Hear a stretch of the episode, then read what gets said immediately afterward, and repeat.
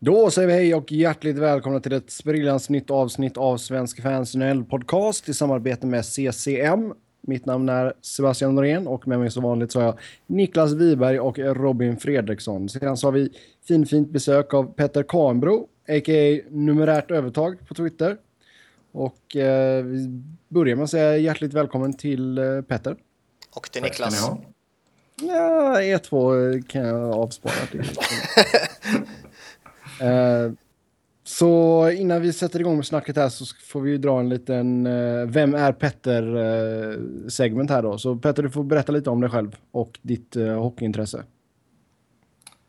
Ja, jag? Jag är 29 år. Jag bor på västkusten i um, Lysekil. Um, har bloggat lite fancy stats som SHL och även NHL för den delen och eh, jobbar lite deltid som fancy stats konsult kan man väl säga här i SHL hemma i Sverige. Och sen favoritlaget i NHL? New Jersey Devils. Varför? Ja, alltså Petter, åtta år, fattar beslut som Petter, 29 år, Gillade The Trap. Håller fast vid. Eh, jag byter aldrig lag. Det är inte så att jag har känt att jag vill, även om det kanske inte är så ballt nu. Men eh, det var hockeykort och tuff logga, lite bra spelare, lite på uppgång. Det är ju typ 93-94 så ja. Sen så var det ju ganska kul där en 8-9 år med lite Stanley Cups och sånt där. Så ja, på den vägen var det. Ja, vi börjar väl programmet med att snacka fancy stats då. Och, uh, hur, hur, kom du in på den svängen? Ja, alltså det, det blev ju, det ju Twitter och, och, diverse forum och sånt där och det var väl kring ja, 2010 kanske som man började läsa om det. Eh, hände lite grejer, det var ju var ju lite, det är de här stora kollapserna liksom som, som får folks uppmärksamhet. Det var väl Dallas 2010 och så Minnesota året efter liksom och då jag blev liksom intresserad för det här var ju ett annat sätt att se på eh, spelet lite och det var liksom nytt och spännande och sen så klart jag blev ju ganska övertygad också om att det här faktiskt, det här var ju inte bara hittepå utan eh, det här kunde man ju använda sig av och forma ens uppfattning och hur man ser på hockey och tusen andra saker. Ja, vad, vad är då fördelarna med fancy stats när det kommer till alltså, lag och vi har ju sett flera lag nu ta in alltså fancy stats specialister i laget. Ja, alltså till att börja med fancy stats eller det är ju det enda sanna sättet att se på hockey och värdera spelare och lag. Jag, jag, jag, oh, that's a bold statement. Ja, nej, jag skämtar ju såklart. ja, det förstår jag. eh, alltså det som man använder det till, eller som jag ser, ser det som, det är ju Alltså det är en dubbelkoll på vad vi upplever och, och, vad vi ser på isen. Och, alltså verktyg för att ytterligare analysera spelare och lag. Och liksom när någonting, när, när vi följer ett lag eller när man, eh, om man jobbar med ett lag eller man, man ska fatta beslut kring eh, trading deadline eller vad som helst så är det viktigt att diagnostisera rätt. Liksom, vad, vad har vi för styrkor, svagheter? Eh, och egentligen så ser jag väl det här bara som att vi har lite mer välslipade instrument än vad vi hade för kanske tio år sedan. Mm. Men alltså det, man kan ju dra det lite med liknelser till... Uh, nu vet inte jag hur mycket du följer baseball, men just det här med moneyball-konceptet.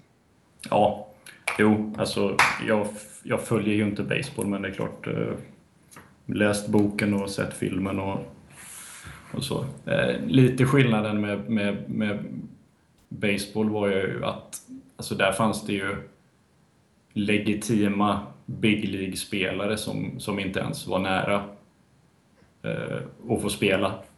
Eh, riktigt samma problem är ju inte i, i NHL. Jag menar, de flesta av de bästa är ju där. Och är de inte där så är de ju i KHL liksom av sitt eget val. Eh, mm. Hockey är väl en mer komplex sport också än baseball. Där står du still och ska antingen kasta en boll eller träffa en boll. Liksom. Ja, det är ju lättare att sätta upp eh, alltså att bygga upp en modell liksom hur du där eftersom du har statiska mm. Eh, positioner och du, du har situationerna upprepas ju eh, fler gånger under eh, samma match och sådana där grejer. Så det är likt men det är ju ändå väldigt olikt så att säga. Mm. Ja, uh, viss, ja, Niklas? Ja, eh, jag är inte jätteinsatt i hur lagen arbetar med det här. Men har du någon koll på liksom vilka lag som står i frontlinjen när det gäller fancy stats liksom? Nej, alltså man, man kan ju säga det är ju många lag som har anställt eh, gubbar. Det är väl drygt halva ligan som har någon som är inne i det här. Och man, men sen i vilken utsträckning och hur de jobbar. Jobbar han liksom med, med front office eller jobbar han med coacher eller jobbar man med både och eller så. Och sen, eh, det är ju väldigt svårt att säga alltså utifrån. Ja, eh, givetvis. Det, det verkar ju som en, en del lag som är ju mer inne i det, typ Toronto verkar ju, ja, de är ju all in i mm. princip. Även om de är, samtidigt har väldigt många old school-gubbar nu, men... Eh, så det är, lite, det, är ju väldigt svårt alltså, men... Eh, för det, det, det, känns ju som att det har liksom generellt sett öppnats upp en tolerans mot fancy stats-communityt som inte fanns tidigare.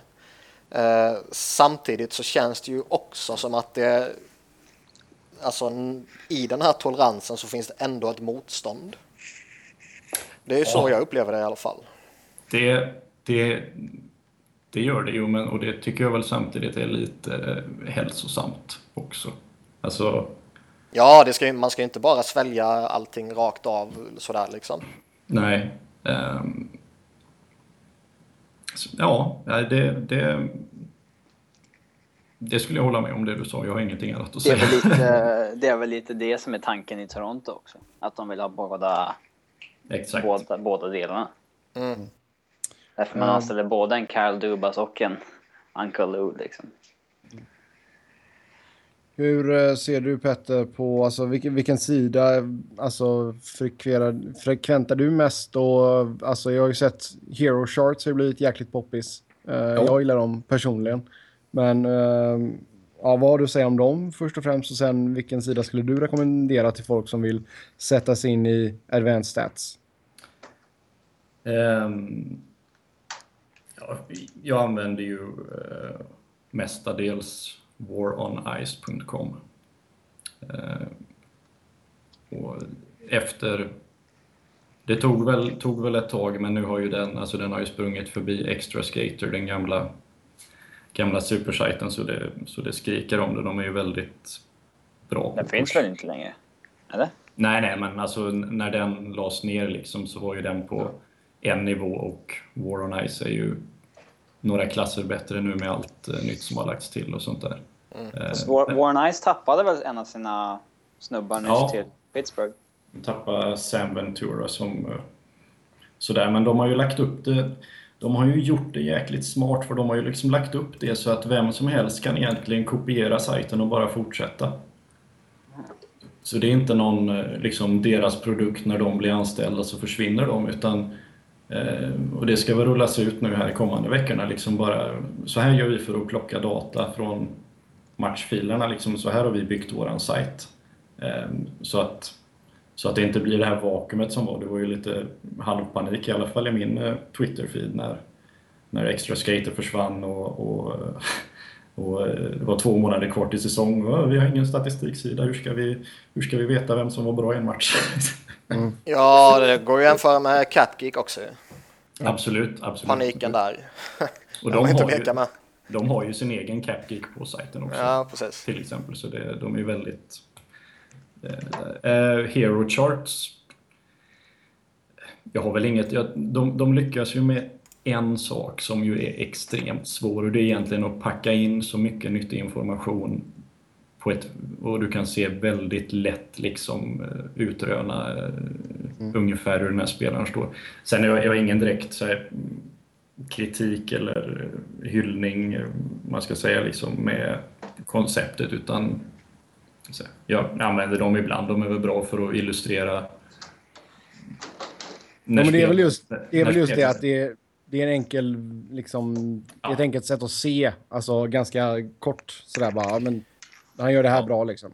Ja. Men det är ju väldigt ju... lättöverskådligt som du säger. Ja. Alltså jämför man med vissa andra de här, ja, ja. Alltså jämför med vissa andra av de här sidorna som, alltså även uh, uh, War on Ice och Hockey Analysis och lite så här. De är ju, man måste hoppa många steg för att se många saker liksom.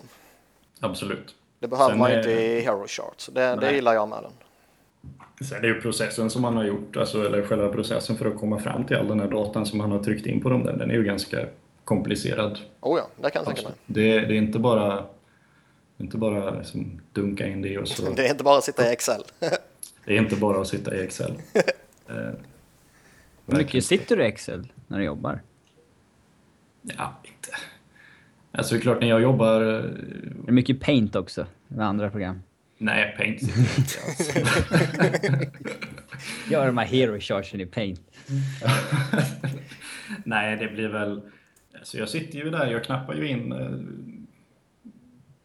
mina stats när jag gör dem så jag ju, åker de ju rätt in i Excel och så skickas det vidare till ett annat dokument och så ett annat dokument och så, så där. Så det, det blir ju mycket såklart. Det är ju, det är ju det jag jobbar i. Jag har inte vi jobbar ju inte med sån datamängd i Sverige eftersom 99% av allt är ju manuellt insamlat liksom. Så, så vi behöver ju inte ha några servers eller liksom så SQL eller sån här programmeringsdatabas-grejs. Mm. Så det blir det och så gör man fina visualiseringar av det som ska vara lättöverskådliga men aldrig blir det. Um, ja. Mm. Niklas, har du något mer att fråga angående Fancy Stats eller ska vi gå vidare? Uh... Har du någon myt du vill döda? Myten om den eh, jämna spelaren. Ja. Eller jämna målvakten för den delen. Jämn spelare. Jämn produktion pratar de om då alltså? Ja. I...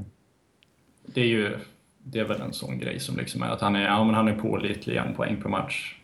Ja, men det är ju för att han dunkar in 20 på 10 matcher och sen så är han lite cold och så dunkar han in 20 på 10 igen och så snittar han en poäng per match. Liksom det är eh, ofta sådana grejer som, som man kan störa sig på. Liksom att ja, men en spelare han är för ojämn eller så. Men de går ju upp och ner. Alltså det, det är som skotteffektivitet och, och, sånt där. Det är lite som livet, det går lite upp och ner och ibland går det väldigt bra, ibland går det väldigt dåligt och så. så. Det är samma med målvakter. Mm. Eh, det är ju därför slutspelen blir så sådana lotton egentligen. Eftersom det är så, så pass kort tid och, och är målvakten het eller inte riktigt het så kan ju det vara skillnaden mellan allt eller inget liksom. Nej men så är det. Alltså nä nästan varenda första målvakt i ligan i en formtopp kan ju gå igenom ett helt slutspel. Ja, ja alltså du har ju, gud vad kom man fram till en av de här, en av, eh, ska man säga, de som var ledande i Fancy Stats eh, för dryga tio år sedan och att det var en, i en, fem, i en klump på 15 matcher så kan en, så är, är en, alltså replacement level målvakten, så en, på den tiden var det väl typ en 9-12 målvakt. Mm. Eh, det är en på sex att han är bättre än en 9-25 starter liksom. I, i en 15 matchers klump. Liksom. Så prickar du, in den, prickar du in den klumpen i ett slutspel, Michael Layton typ. Ja, jag tänkte säga det. så eh, kan det ju se jävligt bra ut. Oh, ja. Eller eh, vad heter Andrew han? Hammond. Jo. Hamburglar, liksom. Eh, han kommer ju gå tillbaka. Han, han kommer ju inte vara... Jag tycker han visade redan i slutet i fjol att han är inte en duktig Absolut. målvakt. Alltså det, Absolut. Det, och det var, väl, det var väl några av de här målvaktscoacherna som är i media och sånt där som sa liksom, "Ja, hur tycker du han ser ut när han spelar? Liksom, frågade de och sa He's a hot mess. Liksom. Men det var ju vissa som sa att han var liksom, nej nu har han bevisat tillräckligt för att Ja, han var på riktigt. Liksom. ja, ja, det var ju liksom, han har ju spelat 20 matcher nu och är skitbra. Då, då är man ju legit liksom. Och så, nej, det är du inte. Alltså, Men det var ändå, traditionellt. alltså liksom, det var ju så extremt. Han var ju en under 90% målvakt i AHL. Och Ja, ja. så- Det, Alltså, det, ja. Tra traditionellt säger man ju liksom alltså 3000 skott. Då vet du vad du har i en målvakt. Och det är ju... Ja, Det är blir en, ja, det är en 150 matcher eller någonting. Det är som två säsonger. Två och en halv säsong som startar nästan för att vara helt säker på vad du har. Så ja, jag ju, tror, han, jag, tror, jag tror inte han kommer se 3000 skott i NHL nästan. det var ju lite så när Mason kom till Philly också. Att man, eh, han gjorde ju dundersuccé i början och så höll det i sig och höll Mm. det i sig och höll i sig. Men så vågar man liksom inte hoppas på det på riktigt förrän tillräckligt lång tid hade gått. Och nu vågar man ju hoppas på det. Ja, nu, nu eh, och jag absolut, jag menar, han och Brian Elliott egentligen är väl två av väldigt, väldigt, väldigt, väldigt få målvakter som har alltså tagit sig ur en, en svacka eller på flera säsonger och Ja, den var ju brutal bli- också. blivit bättre liksom. Det, det är ofta man brukar säga liksom att eh, målvakter blir inte bättre egentligen. Alltså det här med, jo men vi tror att vi kan få hit han och så kan vi styra upp han och så, och så kan han bli bra igen eller han kan bli bättre än vad han var liksom. Det, det händer ju nästan aldrig. Tror du inte att typ om man, om man har rätt målvaktstränare med rätt målvakt att man kan höja sin målvakt till någon procent? Och den procenten kan ju vara, alltså det är en jäkla skillnad på vara 92 eller 93 liksom. Ja, en, någon- en procent tror jag inte. Men eh, problemet med det, alltså, teoretiskt absolut. Eh, problemet är ju bara att, att verifiera liksom. Att det, ja, inte, det verkligen var det liksom. Att det inte bara är alltså, variation som man säger. För det svänger ju också liksom. Det, det är inte så många puckar som är skillnaden mellan att vara 9-18 och 9-20 målvakt liksom. Så, ja, Mm. det, det är väldigt svårt. Jag menar, det är ett, ett dussintal styrningar som går stolpe in istället för träffar dig. Liksom. Det, ja. Så hoppet är ute för Mike Smith. ja, ja, han är väl... han hade väl snarare en fluksäsong kanske. 11-12 där. Ja, Ja, Men är en, vad ska man säga, below average starter kanske i övrigt. Ja, han är ju below average målvakt, period. Liksom. det, det, han hade en, titta, han var 9.30 i en säsong. Ja, Så det var ju ni- den... eh, Ja, det var ju den- 11-12 gick till ett- conference-final. Ett jätteslutspel då liksom. Ja. Eh, Och sen 9-10, 9-15, 9-04. Han är, och det är det som Mm. är grunden till hans kontrakt. ja, det är det, men... eh, Problemet- hjälp, hjälp att ta sig till golvet. Ja. Problemet som han har och, och liksom med rätta givetvis med tanke på kontraktet nu det är att alla dömer honom med den säsongen i bakhuvudet ju. Och inte på eh, alla hans andra, eh, ja, vad blir det, sju, åtta säsonger eller vad det blir liksom. Mm. Nej, nej, han hade ju inte gjort någonting innan det som var märkvärt och sen efter det så har han ju inte heller kommit upp i den nivån och även fast han var svag året efter så fick han det där kalaskontraktet liksom så det där hade man väl behövt någon som kunde dratt i handbromsen. Han var väl nästan en throw-in i Brad Richards-stilen, typ. Eller hur det nu var. Nej, det var Tampa till Dallas, det blir det ju såklart. Men han Så- var ju, han var ju ändå lite hypad ju i, uh, i Tampa där. Mm. Ja. Det är svårt Ja, att förstå. Ja. Vi får, vi får se vad som händer. De går in i säsongen med eh, Smith och Lindbäck nu i Arizona. Så vi får se vad som händer. Vem tycker du är Vi- ligans mest underskattade målvakt? Steve Mason tycker jag. Ja, men, Oh, det, är inget, det är nog inget dumt svar. Nej, titta. Ehm, mest underskattade, vad heter han?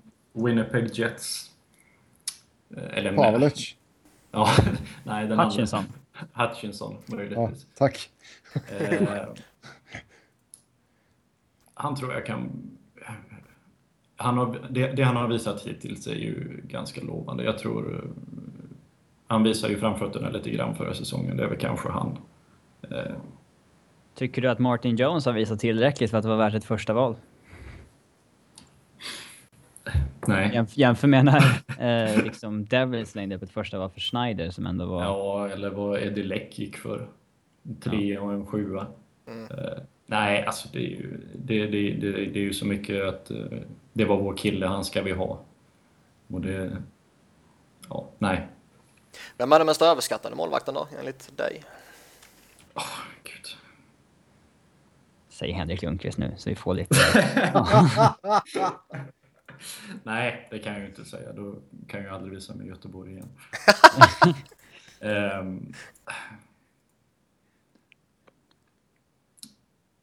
jag får nog passa på den faktiskt. Jag- Det står lite still. Ehm, jag tycker ju inte om målvakter heller. Nej, de är as. Ja, men de är ju bara jobbiga.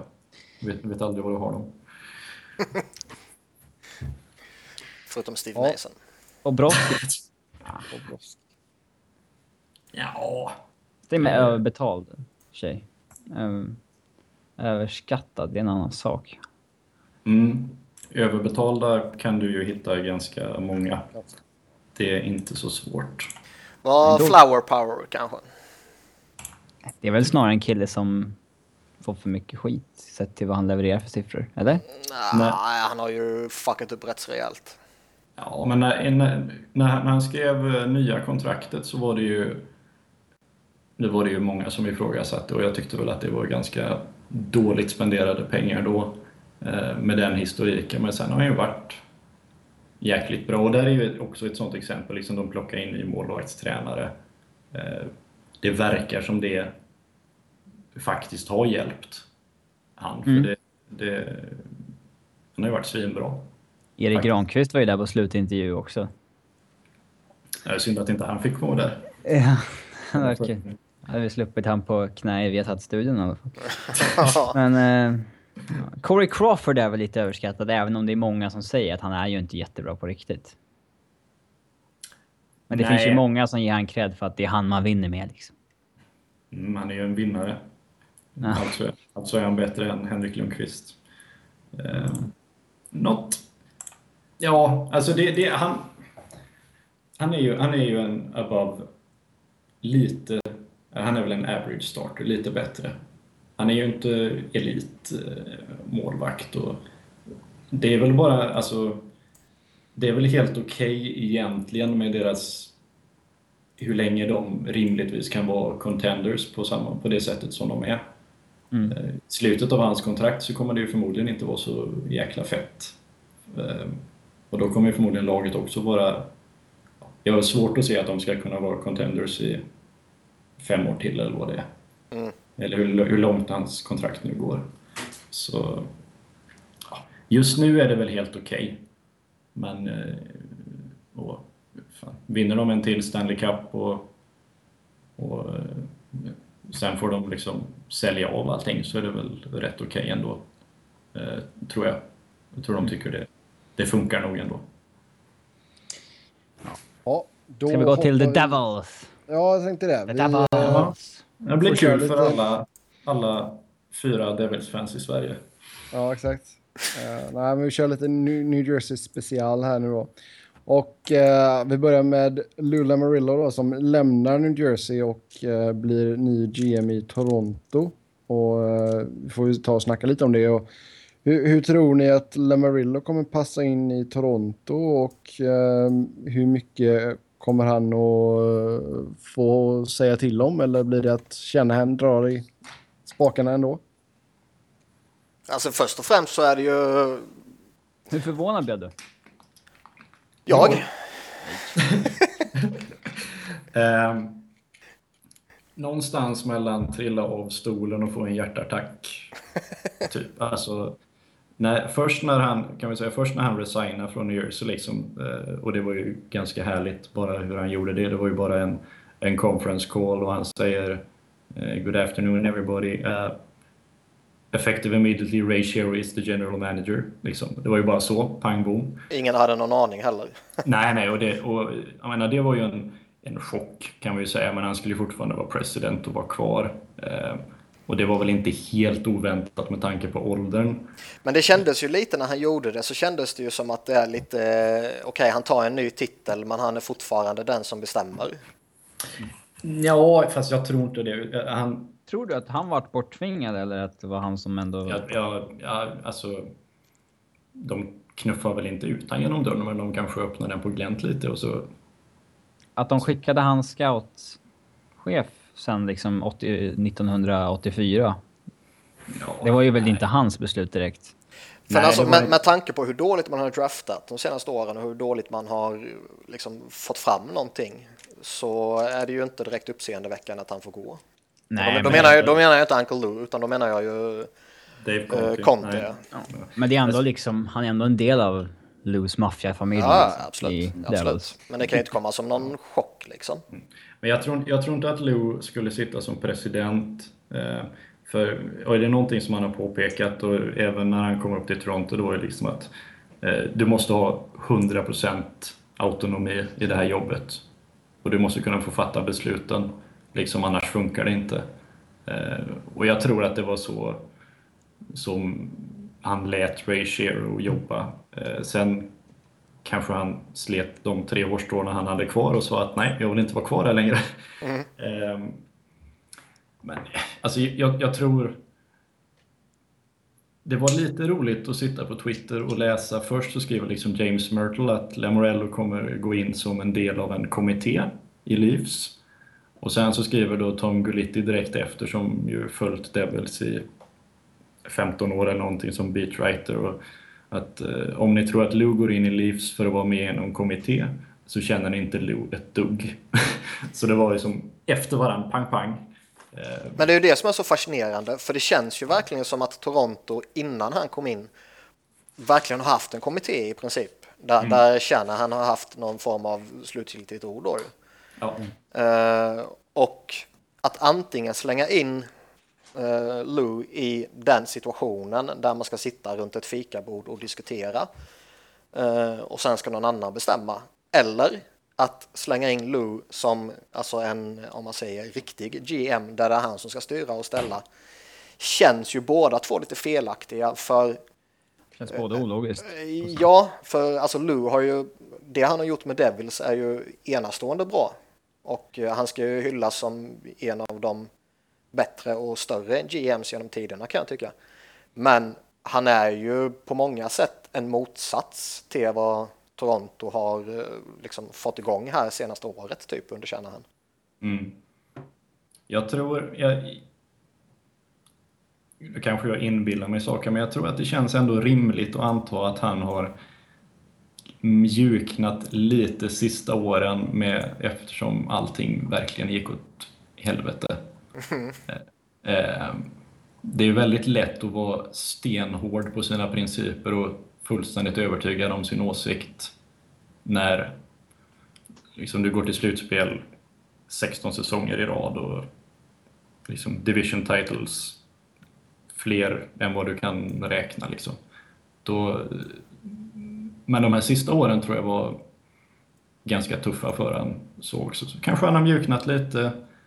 Och, eh, alltså det är klart, även, om man skulle ha vara GM 100% eh, så jobbar han ju ändå med de här. Och, och de har sin input och kan påverka han. Liksom. Eh, så, ja, det är så. Jag, jag, jag vet inte vad jag ska tro faktiskt. Eh, men jag tror, en, jag tror det är mer åt Lou Lamorello kör Lou Lamorello-sättet än, än fikabordskommittén. Absolut. Jo, det tror jag med. Och det är det som är så fascinerande för det går ju rakt mot hur liksom, Toronto har vandrat hittills. Mm. Ja, det är ju, alltså att, varje person de har anställt sen Shanahan kom in är ju så här, ja, han har den titeln men det är Shanahan som bestämmer. Liksom. Mm. Hela, hela tiden. Mm. Skulle, skulle det ändrats nu liksom? Nej, det tror jag inte. Alltså, Jo, de, de, andra, de andra gubbarna rapporterar ju till Lou och Lou rapporterar till Shanahan.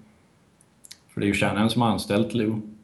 Eh, Så det... Så det Shanahan jag bor inte. väl inte ens i Toronto? Han vill kanske ha en... eh, En som tar hans jobb, alltså dagliga basisen eh, Mm. i, i Toronto. Som han liksom... Eh, som rapporterar till honom, så att säga. Eh, Ja, Ja, det kan, alltså det kan ju mycket väl vara att han bara...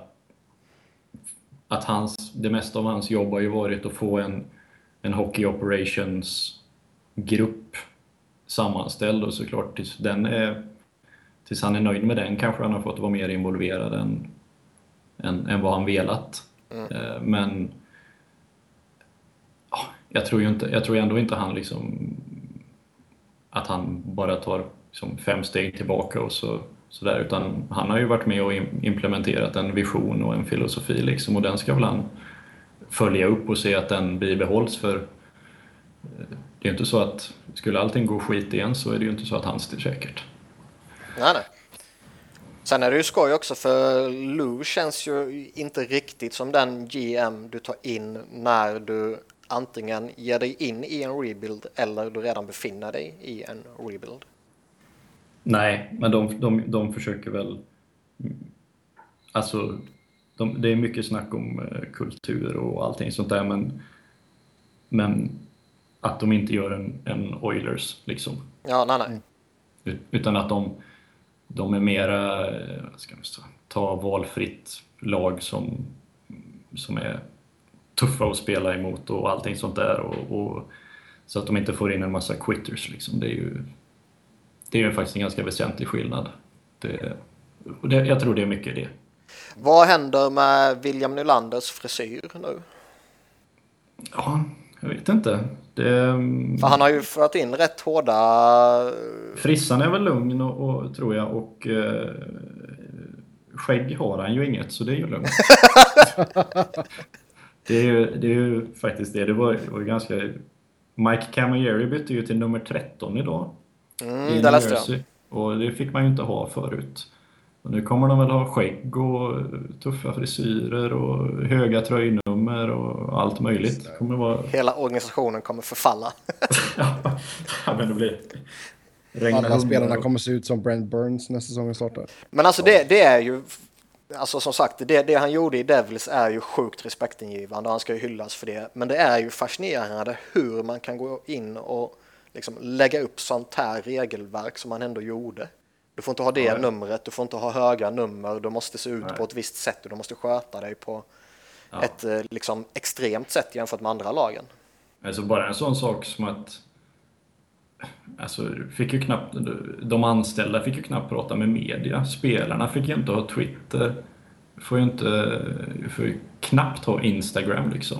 Och så nu liksom sitter de så bara check out New Jersey Devils prospects och så taggar de Twitterkonton och sånt där liksom officiella kontot. Man bara, "Vad- vad är det här? Det här är, det här är min, min barndom liksom. Vad, vad hände? Så, och det är ju alltså det är ju egentligen det, det största. Jag menar, fan, han, har varit, han har varit general manager sedan jag var två. Och eh, liksom allt man... Ja, jag antar att det är väl samma som för Manchester United-fans liksom med Sir Alex Ferguson när han lämnade. Att någon som har varit där i princip alltid, så länge man har... Ja, så länge jag har kunnat gå, liksom. Det är, sådär, men eh, det var väl dags också. Vad, vad har han för legacy här nu? Alltså, kommer han få en staty upp eh, i Ja, ja. Prudential Center? Det blir, blir ju en, en, ja inte en tröja kanske, men någon form av banner upp i taket och en staty och hela kittet, det är klart. Herregud. Det ska han ju ha. Annars hade ju, alltså... hade inte han kommit in i det här, om, om inte det som hände med organisationen från 87 till säg 94, 95 liksom, hade inte det hänt så hade de ju varit i Midwest någonstans liksom, Nashville eller någonting. Det var ju på väg, det var ju på väg eh, i slutspelet 95 liksom. det, Bettman satt och, satt och pratade med TV liksom och de frågade “Possible relocation to Nashville” liksom. Det, nej, det, det var sjukt nära. Men alltså mer nära på, om ni vill ta det liksom, det är ju... Han lämnar ju efter en jävligt bra målvakt. Hyfsat lovande backar. Det beror lite på vilken synvinkel du har på det. Antingen är det möjligheter eller frågetecken. Mm. Och En non-existing forwardsida. ja, inga forwards. De finns inte. Ja. Ja, vi, släpp, vi släpper Lou där då. Uh, ger han hatten av där för det han har gjort. Eh, Adam Larsson skrev ju nytt kontrakt, uh, sex års förlängning, uh, cap hit på strax under 4,2 miljoner. Hur, eh, hur ser du på den dealen Petter? Det är väl en bra deal. Inga doubts över att signa honom long term. Nej, inte direkt. Alltså, det är ju, alltså ska, ska du ta en organisation från liksom, bland de fem sämsta i ligan till att gå uppåt så måste du ju gambla lite med de här killarna. Och jag tror väl att risken var väl... Okej, säg att ni ger han ett brokontrakt på två år, två och en halv miljon dollar och så krossar han det och sen så ett år sen, då, då är han ett år från UFA och kostar förmodligen 6 miljoner dollar. Så det, det, det, är, en, det är en bra, ett bra bett tycker jag. Jag längtar efter de här kontrakten som går åt helvete. Alltså de här... äh, Mm. De som signas på just de här kontrakten innan de är så bevisade. Som Hedman fick ju sitt på fyra blankt, jättesuccé nu. Mm. Men liksom...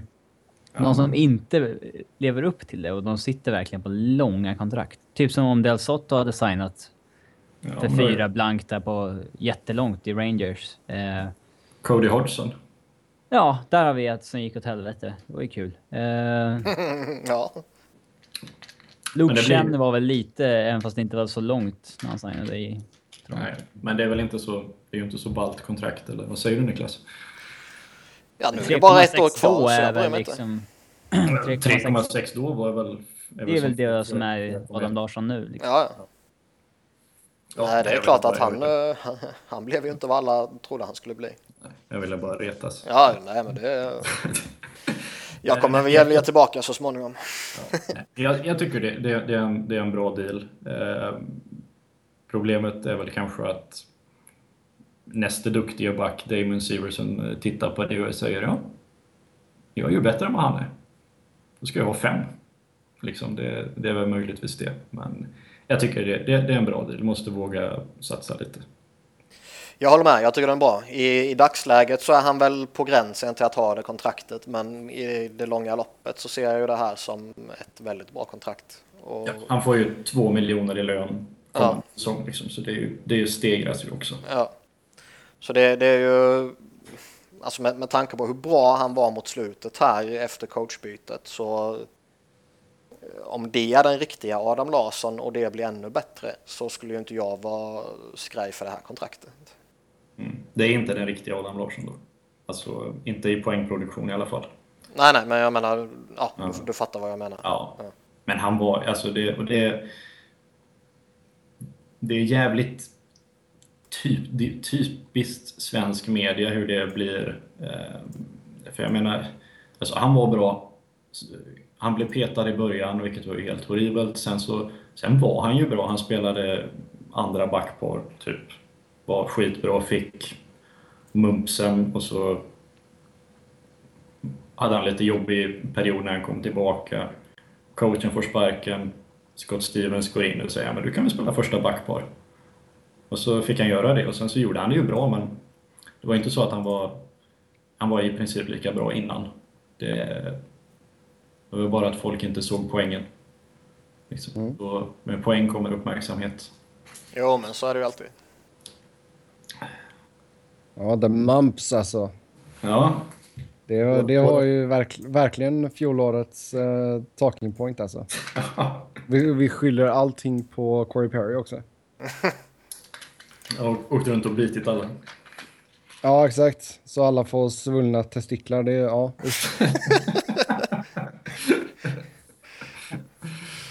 Det var ingen ebola i alla fall Sebbe. Nej, det var inte ebola i, i höften. Ja, sen man, man köpte även ut Dennis Subers. Var det rätt att, så att säga tack och hej till honom? Ja, Dino Subrus, eh, Philadelphia Flyers legend.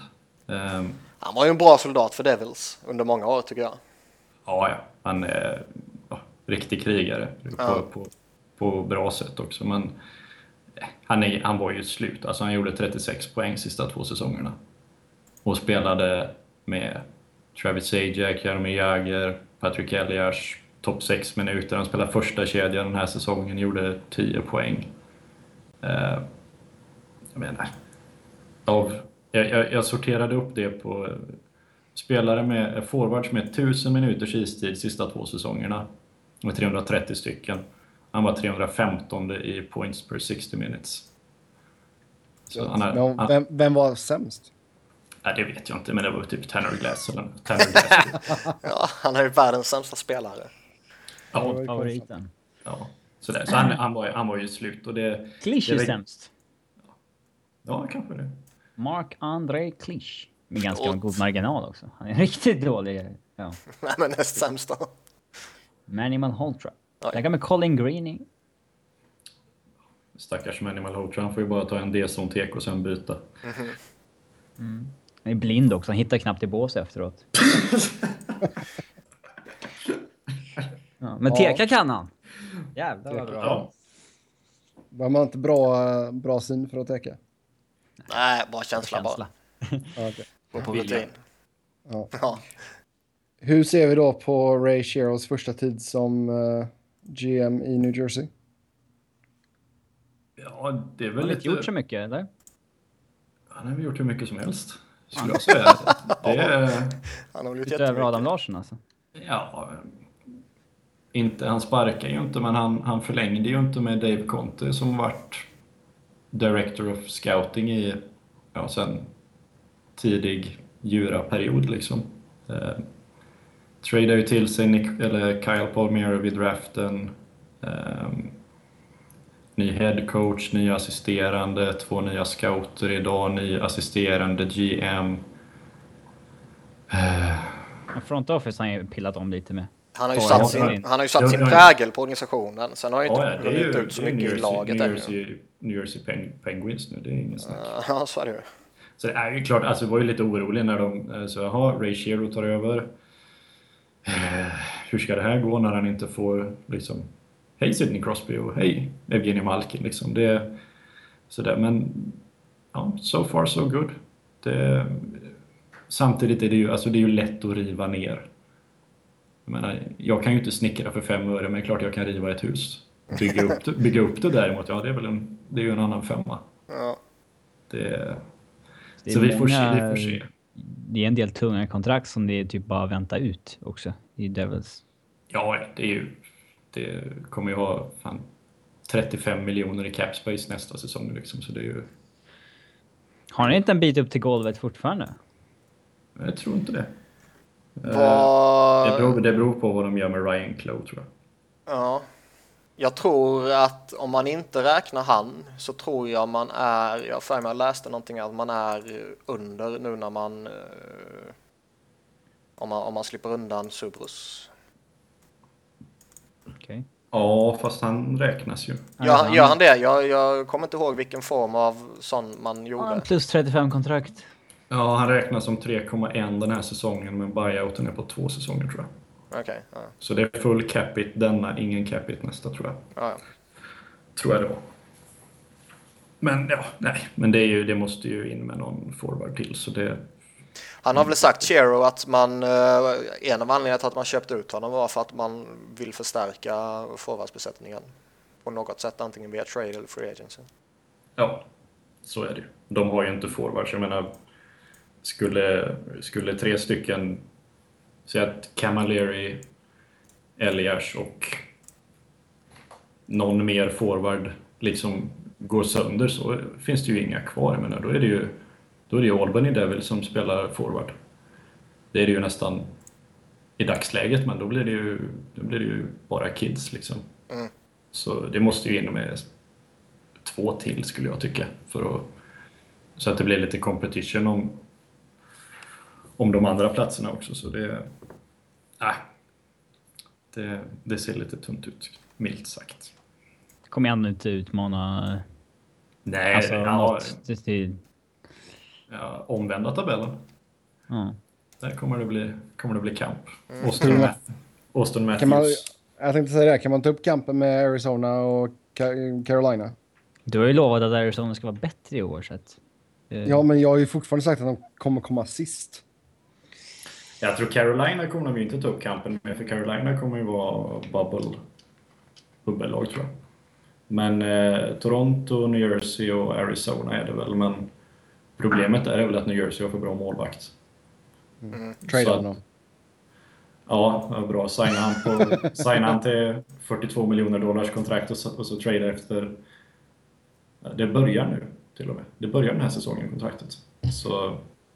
Nej, det, det är väl det som är problemet lite, att han på något sätt kan hindra rebuilden om den inte går accelereras på något sätt genom att man har en förbannad jävla tur eller blir någon Niedermeyer trade version 2 liksom. Eh, Det ska man ju inte hoppas på. Det är ju det som är så fascinerande med, med Shero, att man vet ju inte riktigt var man har honom. För Nej. som du var inne på tidigare, liksom, han ärvde Crosby Malkin. Alltså det, ärver du bara de två så alltså, får du ihop ett, ett eh, konkurrenskraftigt lag. Liksom. Ja.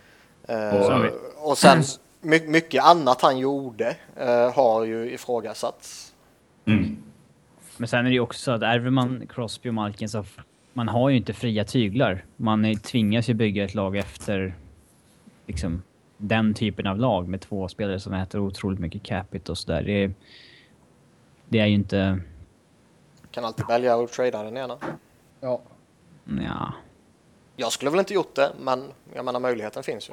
Alltså jag, jag har svårt att se, alltså du får ändå, du har ändå de två bästa centrarna i, i ligan under den tiden då kan vi säga utan tvekan. Liksom. Ja. Du, får, du får dem in i ditt lag. Jag kan aldrig se det som att det skulle vara någonting som man liksom, ja men till hans försvar. Utan det är ju liksom, du, du, du gick ju in i, i, i lotteriet. Du vann lotteriet. Pang bom. Det, Eh, men ja, klart man bävar ju lite för okej, när, när laget börjar närma sig och, och han liksom ska, ja men nu ska vi, nu ska vi göra en köttig trade där, nu ska vi, Den här sista pushen liksom. ja sista pushen eller free agent signingen liksom, ja men fan, ska vi in med Brooks Orpik 20, 20, 2017s version av Brooks Orpik liksom. Ja, då, då där är jag inte riktigt trygg än. Men, men alltså, i somras var jag, alltså jag var ju sjukt skeptisk. Men liksom nu, liksom ut med Dave Conti som ju på något sätt var det stora problemet. Eh, I att, jag menar, de har ju inga forwards, de har ju inga forward prospects, de har ju draftat 100 penalty minutes per säsong och 3 poäng per säsong grinders från Western Hockey League liksom som kanske kan bli en fourth liner i NHL. Mhm. Vad fan ska de med han till? Eh, så nej, vi får se. Sen om vi tittar på eh, nya coachen då, John Hines. Eh, bra CV från AHL och collegehockeyn och sådär. Hur, hur stor koll hade du på honom innan han kom in? Absolut ingenting. Det... Jag har ingen aning vad som blir. Han verkar... Han säger väl alla saker som man ska säga när man kommer in och ska bli coach, men... eh, Ja. Sen får man ju se vad det blir av det. det. Han är ett riktigt wildcard. Det...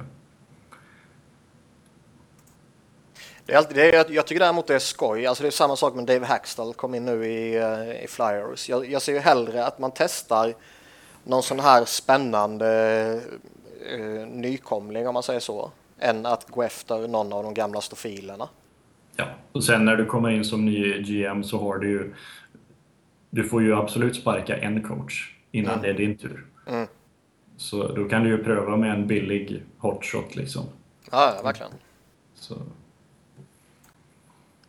Mm. Ja, vi får se hur han snickrar ihop laget här. Och om vi tittar på truppen då. Som du säger, det saknas ju lite forwards. Um, alltså, jag, jag har ju lite svårt att se vem fasen som ska göra mål för det här laget. Det är väl ingen som Alltså, ska kan- det. Kan man Nej. kan väl göra 20 kanske? ja, Mike Camilleri kan nog sätta 30 också om han har lite tur. Och, Jag tycker Camilleri är en bra forward. Ja, det är han. Det, Jag, jag, jag tror... Eh, jag, jag tror inte han behöver vara överjävligt bra för att göra 25-30 liksom. Nej, han, han behöver bara vara överjävligt hel. Ja, Det, så det är väl han och eh, eh, Adam Henrik kommer väl hänga några baljer Eh, och eh, Elias Never Dies också. Han, ja, nej, han är ju slut faktiskt. nej, han har mycket kvar. Ja, nej, nej, det var han inte. Eh, och så eh, Kyle Palmieri som vi får se lite när han får, när han får första kedje istid för första gången i sin karriär, se vad han gör med det. Ska inte Sajak ha den tiden? Ja, men han är ju center. Ja, jag tror du sa Henrik. Så det Palmieri? Ja, jag sa Palmieri, men hen, ja, vilka som kommer göra mål så är det ju Camilleri, Henrik och, och Palmieri. Sen inte på samma kedja kanske, men det är väl, det är väl de. Hur bra är, hur bra är Jakob Josefsson? han är kass. Han är ju ganska... Han ser ju bra ut. Nej, alltså... Han kommer väl pika som vad Marcus Kryger är nu. Det tror jag. Alltså en, en riktigt bra fjärde center, tredje center kanske. Och bra PK. Ingen scoring alls, men en bra, en bra Fantastisk straffskytt. Nej, ja, det, alltså det, det är sjukt att han kan ha såna läskigt bra händer och straffskytte och så när han kommer och ska skjuta eller när han ska Alltså i, i vanlig matchsituation liksom kommer in framför mål sen så, så hamnar pucken i hörnet. Men eh, Alltså han var Alltså- ju liksom poängkung på junior eh, Ja. nivå. Ja. Men han, han blir väl en, alltså en bra, om man säger en bra Corsi-lirare i bottom six, max. Användbar, men ja, vill du ha, vill du ha liksom 15 mål från din tredje, fjärde center så är väl kanske det lite fel gubbe tyvärr. Eh, om vi tittar på Elias då. Är det, kommer han, det är sista året eller? Det är sista året. Sista sen, året på kontraktet och jag skulle väl tro att det är sista året i karriären också. Uh, Tomo Rotto är också inne på sitt sista år på kontraktet här. Eh, Ja, hur- tack hur det. tycker, hur, ja, jag tänkte säga det. Han har inte varit någon braksuccé direkt. Nej, herregud. Nej. Det, Så det kommer ju, kommer ju komma loss lite pengar här i alla fall efter nästa säsong.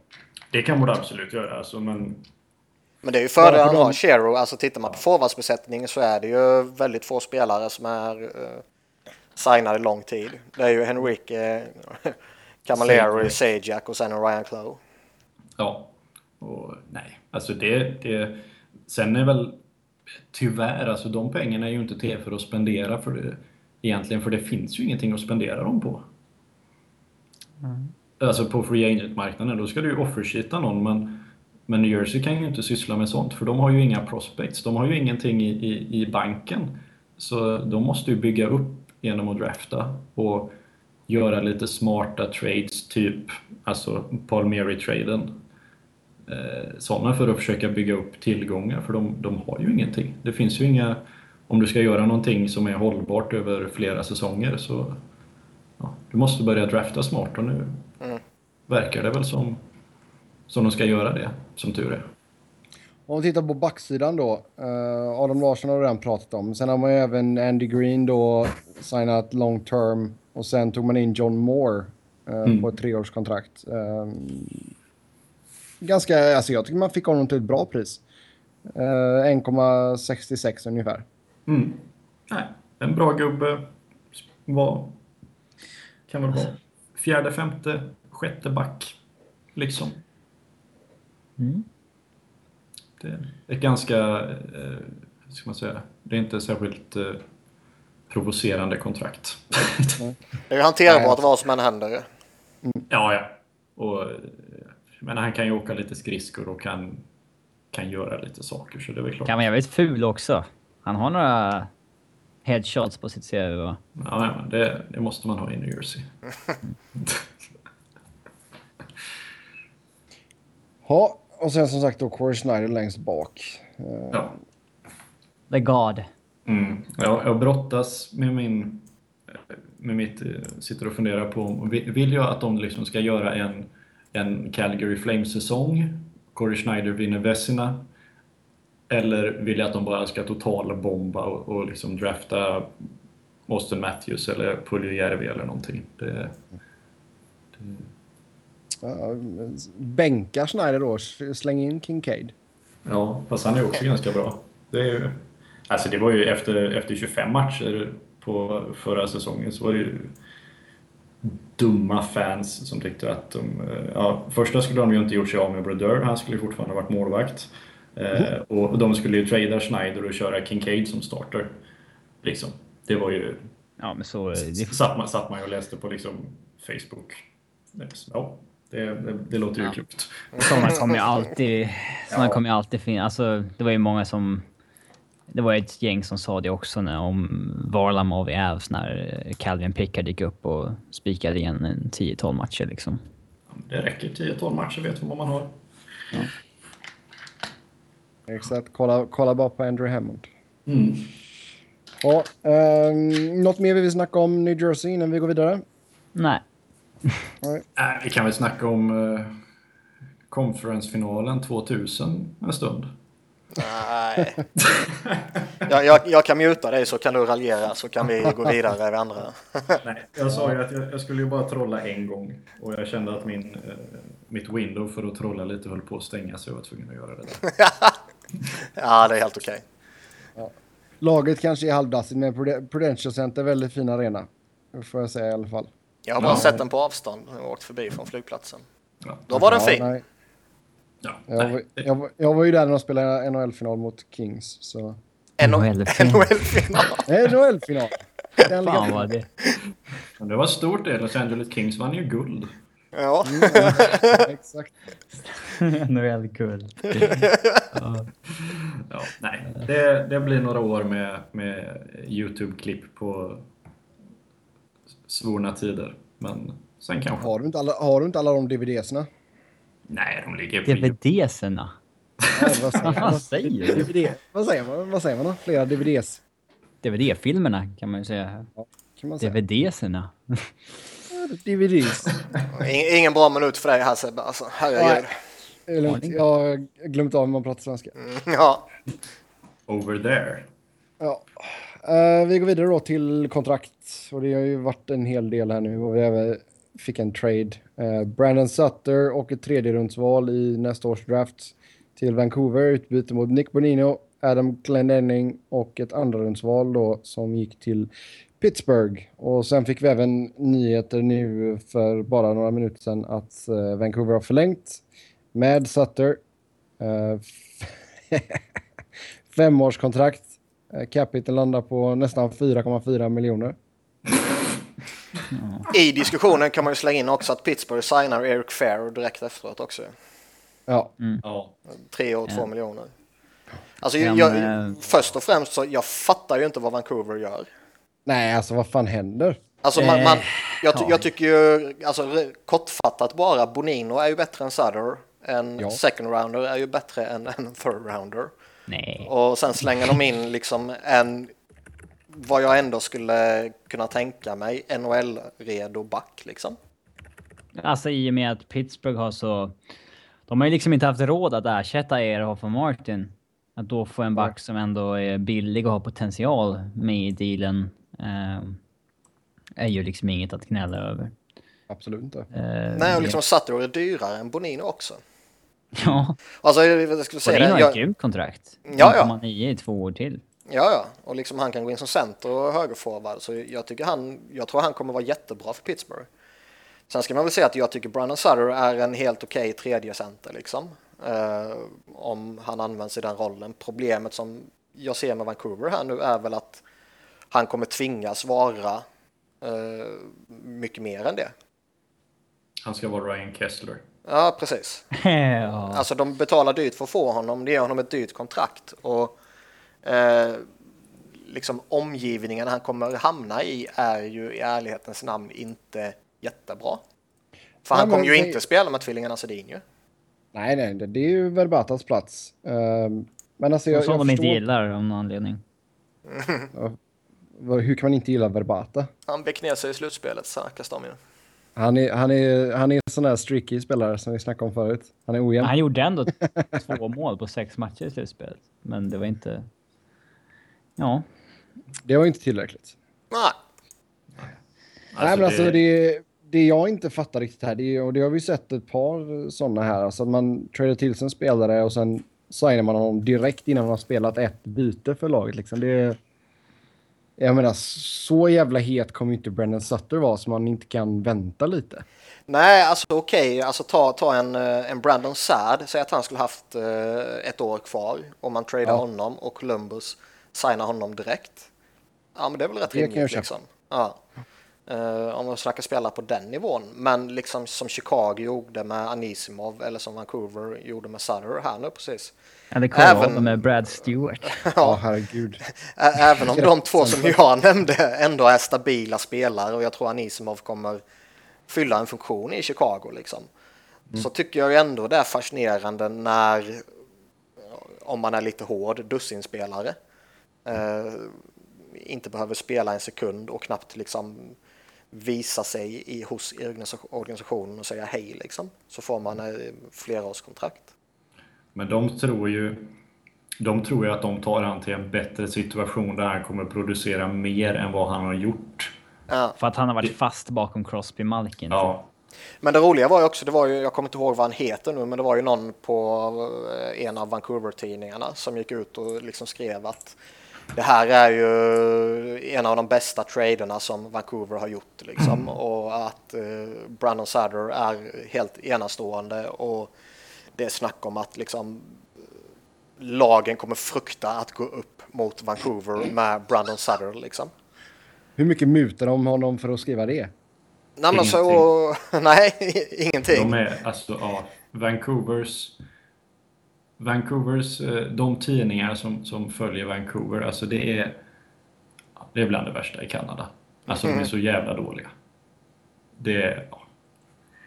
Men liksom, okej Ja. okej om du gillar en spelare, alltså man, man kan ju inte hänga någon för att, för att han gillar till exempel Brandon Sutter liksom. Nej. Sen, sen kanske han bara är kåt på efternamnet på, eller något sånt här. mm, det är Men- en stor faktor. Ja, men man måste ju ändå se, alltså rent objektivt så är ju det här en dålig trade för Vancouver. Ja, Bonino är bättre. Bonino är Mm. bättre och man ger ju upp liksom ett bättre Alltså- draftval och man ger upp en back också. Alltså Sen ett kanske... paket med alltså Bonino, Glendening och ett andrahandsval. Det är nästan så att jag hade fetchat Kessel liksom den här sommaren. Ja, typ. Jag hade ju... Alltså se vad liksom Oshie, Kessel och Sharp och de här gick för. Det är ju... Att, att få Ja. liksom Brandon Sutter när man slänger upp det paketet. Det är ju väldigt dåligt, tycker jag. Eh, Det är en piss-trade för Vancouver, men det är ju en, en fantastisk dag för Pittsburgh som dessutom adderar Eric Fair som är en duktig spelare. Eh, På ett de- kontrakt. De tar ju in en bättre spelare för 1,3 miljoner färre och får ett andra val och en back de kan använda. Mm. Och så får de ge ett tredje val för, förvisso, men det skulle man ju kunna, det kan man nog leva med när De man blir byter, om. upp sig, Ja. de byter upp sig i draften. Eh, i Ja, exakt. liksom. Eh, ja, alltså Eric... Ja. Det är nya Toronto. Alltså gamla Toronto. Alltså Jim, eh, Jim Benning har ju visat sig vara en riktigt dålig general manager sen han kom in. Men det, Det det, är- ju som, som någon skrev, liksom, det, det är ju fascinerande att se Peter Chiarelli, liksom, hur, hur han lyckades vinna med Boston och ändå göra dem till ett bra lag under några år där. Med tanke på att han hade Don Sweeney och Jim Benning och Cam Neely runt omkring sig. Och sen har ju inte Peter Chiarelli varit alltså, så jävla klockren i Edmonton tycker jag. Nej, han har gjort många konstiga Och, saker. och ganska många konstiga saker han gjorde i Boston också för den delen. Nu är han ju i Edmonton lite om- på samma grej som när Shero kom in i Pittsburgh. Fast Mm. i, i ett tidigare skede liksom. Mm. liksom i, I Boston så vet man ju inte om han liksom blev liksom kn- knuffad att göra vissa saker liksom. Eh, I och med vilka konstiga människor han verkar ha haft runt sig. Man såg ju på behind the beast eh, liksom att det var ju inte direkt han som lyfte idén att trada Kessel, eller Sagan. Eh, Nej. Och... Eh, ja. Det, det Boston har vunnit på är väl att de draftade väl fruktansvärt bra under hela 2000-talet. Eh, Ja, i 2000, om det, jag kommer inte ihåg om det är 2003 eller 2006 draften, när de ju drog, drog väl tre, det var typ Lucic, Marchand och någon mer liksom ur en enda draft. Det är ju det är en ja, det sjuk- var...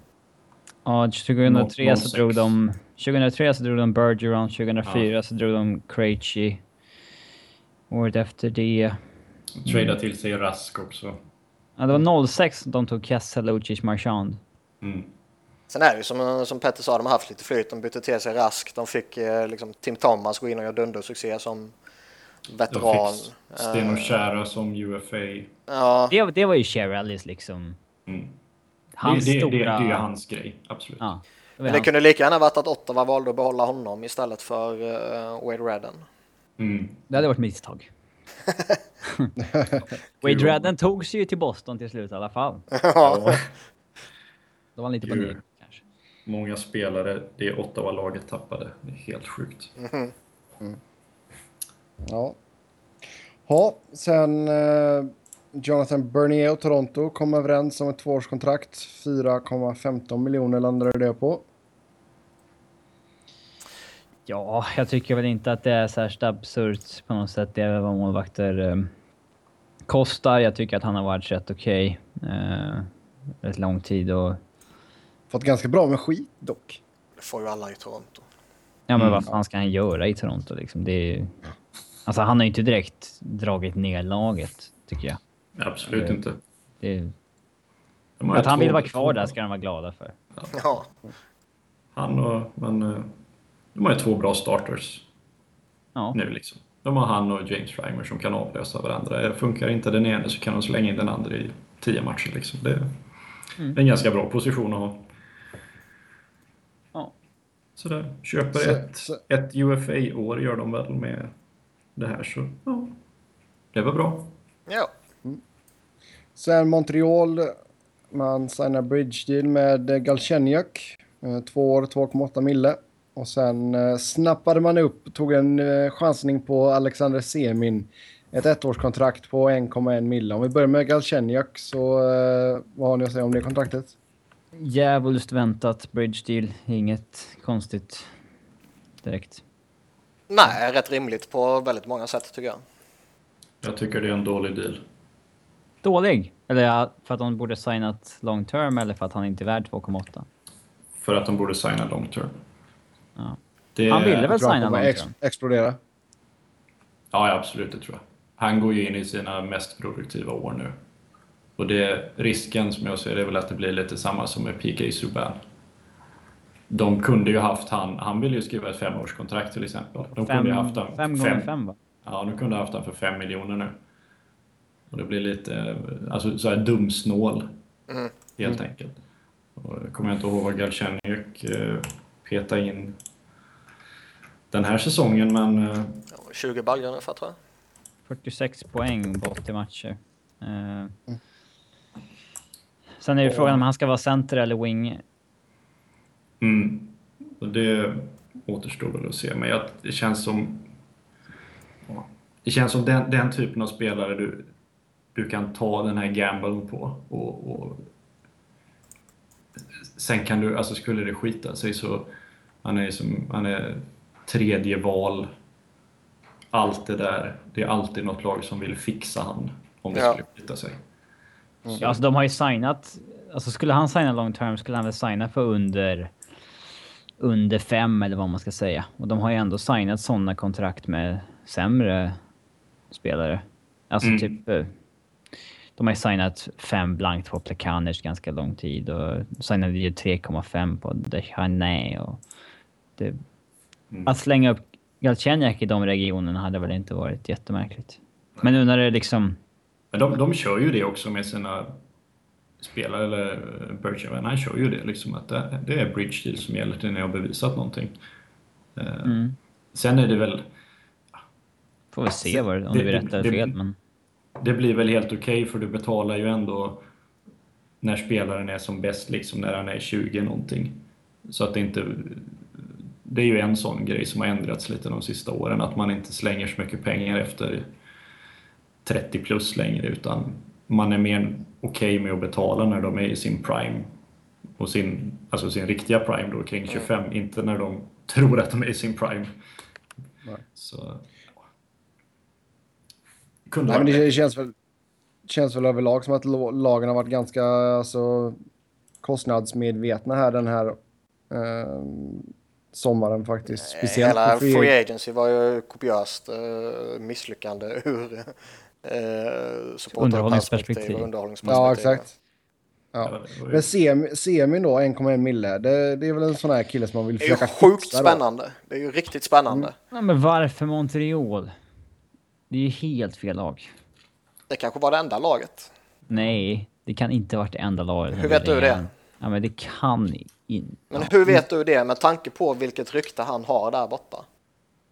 Alltså jag, jag, En jag, miljon. jag, jag, tror, jag tror väl också att det inte var det enda laget. Ja, varför säger du Men- emot då? Nej, men För att jag vill ha en diskussion. Jaha. Men alltså med tanke på vilket rykte han har på, alltså jätteutbrett rykte han har där borta. Så går det ju inte på något sätt att utesluta att det är många lag som uppfattar honom likadant som den här stereotypa bilden finns av honom liksom. Ja. Den börjar han väl nästan leva upp lite till också de senaste åren, men... Eh, alltså på den, det är ju liksom ingen... Det är ju ingen kostnad. Sen Nej, jag- nej, alltså jag skulle ju jättegärna ta honom på det här och jag skulle alltså gärna ta en chansning på honom på alltså två miljoner, ännu mer liksom. Eh, sen är det väl...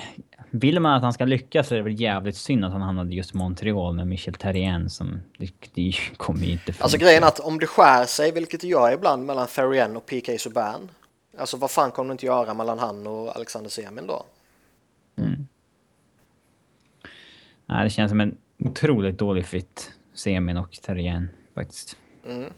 Mm, den är inte så rolig. Alltså, Ja, det alltså, vi det, får väl se. Alltså, det beror väl lite på. Alltså, jag tror Thurien kommer ju försöka pusha semin så gott det går. Så får man ju se hur, han, liksom, hur hans respons blir på det. Men alltså, det är ju jäkligt low risk och potential high reward på det här. Alltså, det är, Men grejen är det är att sä- bra sä- bu- ja. business av Montreal. Och säga att det går 20 matcher och det inte riktigt funkar. Jag tror ju faktiskt att något annat lag känner att nej men fan vi gamla på honom. Ni får ta det här kontraktet så tar vi honom. Ja, ja, eller fan alltså skiter det sig helt och wave honom då liksom. Det är ju... Ja, jag skickar ner honom till AHL så vägrar han rapportera så stryker du kontraktet och Ja. sticker han till Ryssland. Så det, är- det, jag ser ju inga, inga negativa grejer för Montreal här. För jag, jag tror inte att Semin kommer komma in och infektera omklädningsrummet och, så att det blir kaos där liksom. Det, Han kommer se så otroligt mycket bättre ut när han spelar framför Carey Price istället för Cam Ward och vem mer de nu hade i Carolina liksom. Det- Robin. Just det. Jag menar, han från, gå från målvakt som stoppar 90,1% till en målvakt som stoppar 93,5%. Då, då ser många bra ut. Ja, det är Inklusive- klart. In, in, inklusive tränaren, som ju är klappkass faktiskt. Sen eh, Niklas Philadelphia. Där eh, signar man Jakob Voracek 8 år 8,25 mille och Sean Couturier 6 år 4,33333333. Ja, alltså börjar man Voracek så är det, det är väl ett kontrakt som jag inte har något emot liksom. Uh, alltså, Vad tyckte du om hans bobblehead? Det måste jag ju ta upp. Nej. Såg du bilderna på sjukt, bobblehead? eh, Ja, det är klart. Sjukt vackert. Sjukt Den, vackert. den vill du ha va? Eh, hur vet du att jag inte redan har fått den? Jag kanske är Limited VIP. edition, Niklas bara tusen dollar. Sånt. Eh, nej, men alltså tit- tittar man runt om i ligan så är väl priset för en, eh, en bra first-liner är ju där någonstans. Och jag menar, han är en snubbe som de senaste åren har varit ett av ligans bästa wingers. Han, han snittar eh, liksom många poäng. Han är för att, gå tillbaka till det, ja, för att gå tillbaka till det vi inledde programmet med, med lite fancy stats, så han är ju en bra fancy stats-spelare också. Liksom. Och han är frisk, han har han har liksom nästan aldrig varit skadad. Det är ju sånt som gör att priset drivs upp. Eh, visst, i den bästa av världar skulle jag väl föredragit en sjua istället för en åtta liksom. Ja, alltså det är ju Men, svårt. eh, Det är ju, det är ju i... eh, Det är inget orimligt kontrakt, men det är ändå i, i högsta laget liksom. Jo, men det är klart, alltså det är inget fynd. Det är det ju inte. Nej. Ett fynd skulle ju varit om det skulle varit eh, som sagt en sjua istället för en åtta. Förra, veck, eller förra gången vi spelade in så sa väl Wernbloom att ja, våra check ska väl upp på Tarasenko-pengar. Och Tarasenko signade väl för sju, liksom. Eh, så Ja, och, jag, och jag har sagt att han kommer inte gå över Giroud liksom, men det gjorde han inte heller. 25 000 under. Ja, Eh, men... Eh, nej men alltså jag, jag tycker det, om man tittar på Alltså, någon form av marknad check. som finns. Så, hellre våra check på 8,25 än Kane på 10,5. ja. Och snubb, Eh. snubben är bara 25 också. Han har varit med så jävla länge så han känns ju som han är typ 28 liksom. Men han är, ju, han är ju nästan där i och med att han kom, när kom han in i ligan? Ja, direkt typ. Mm. Så då är han ju UFA. Han var väl UFA efter denna eller? Ja, Ja, så det, det är ju därför det blir en åtta istället för en sjua för de köper ju UFA. Och, ja jo, exakt.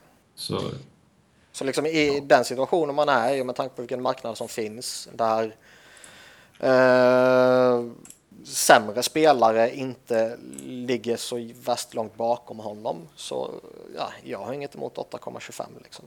Han är ju 34 när det här går ut, typ. Eh, är det en, är det liksom en, en fara på något sätt? Vadå? Att han är 34 när det går ut? Ja, du menar han ska ha ett nytt kontrakt? eh, Nej, eller? att han eh, kanske inte är värd 8,25 sista så. tre åren. Liksom. Ja, det är, Petter? alltså det är alla sjuårskontrakt, alla åttaårskontrakt, alltså det är klart det finns orosmoment i dem. Eh, sen är det ju som jag har sagt många gånger, det är ju, alltså när de satte en maxgräns så var det ju alldeles jävla uppenbart att alla toppspelare kommer kräva maxlängd. Alltså det, det är ju bara, där tror jag bara det är att gilla läget om du vill signa en toppspelare. Sen vet man ju inte vad capen kommer vara heller.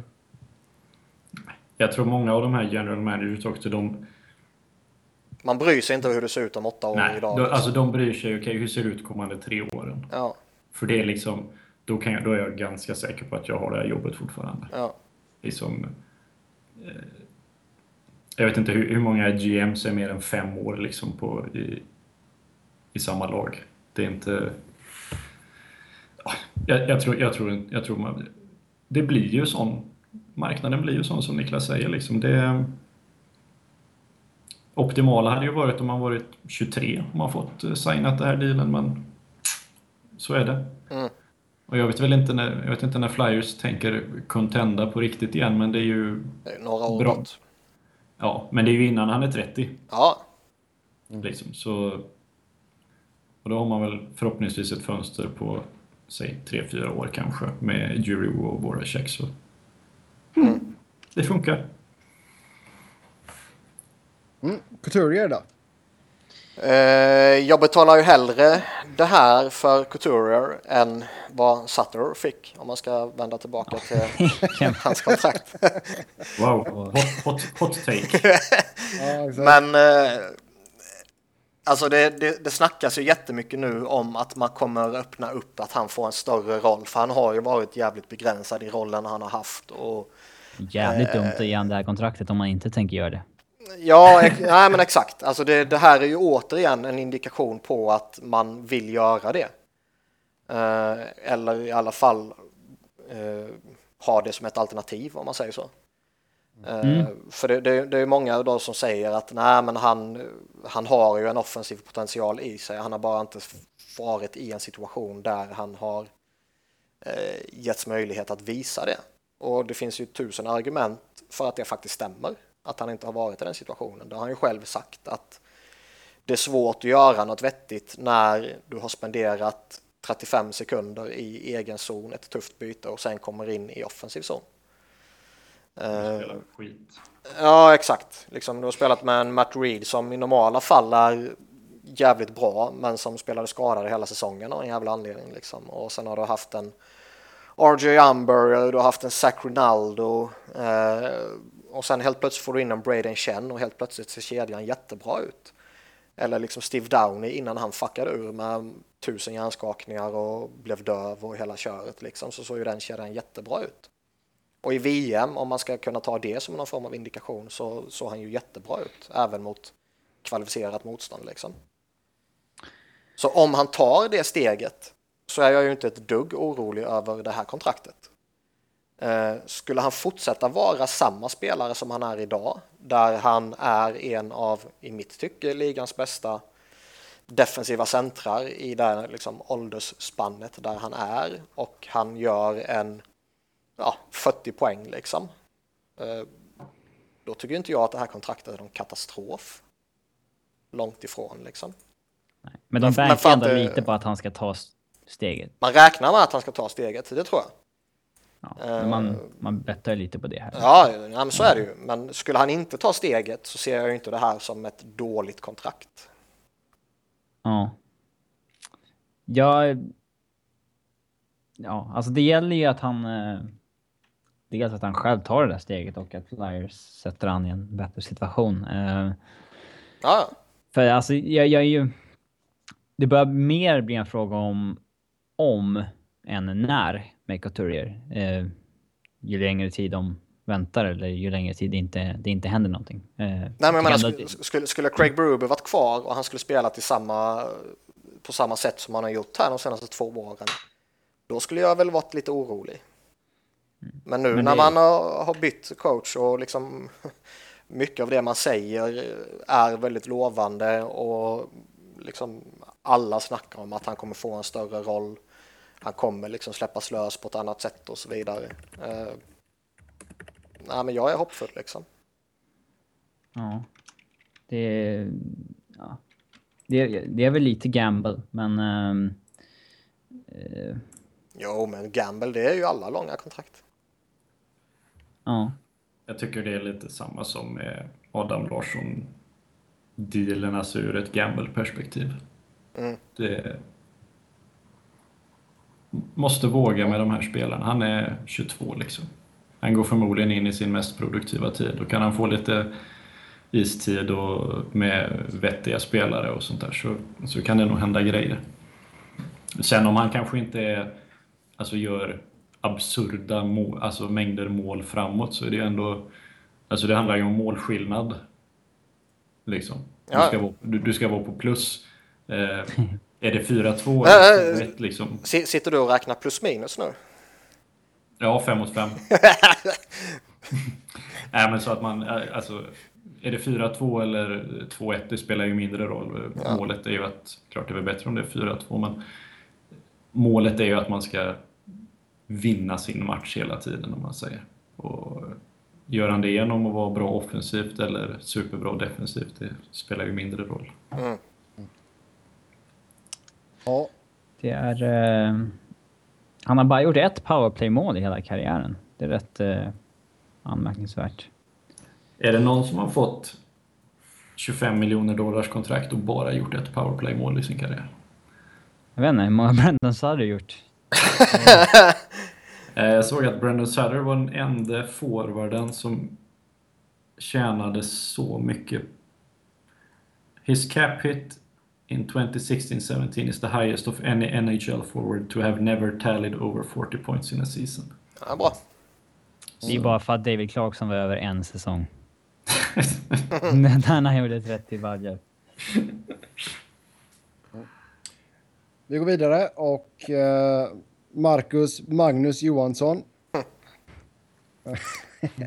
Fick vi in den också. Eh, Jag skrev rätt ett idag. års... Ja, det är bra gjort. Det är bra gjort. Ett år blev det. Det gick till arbitration.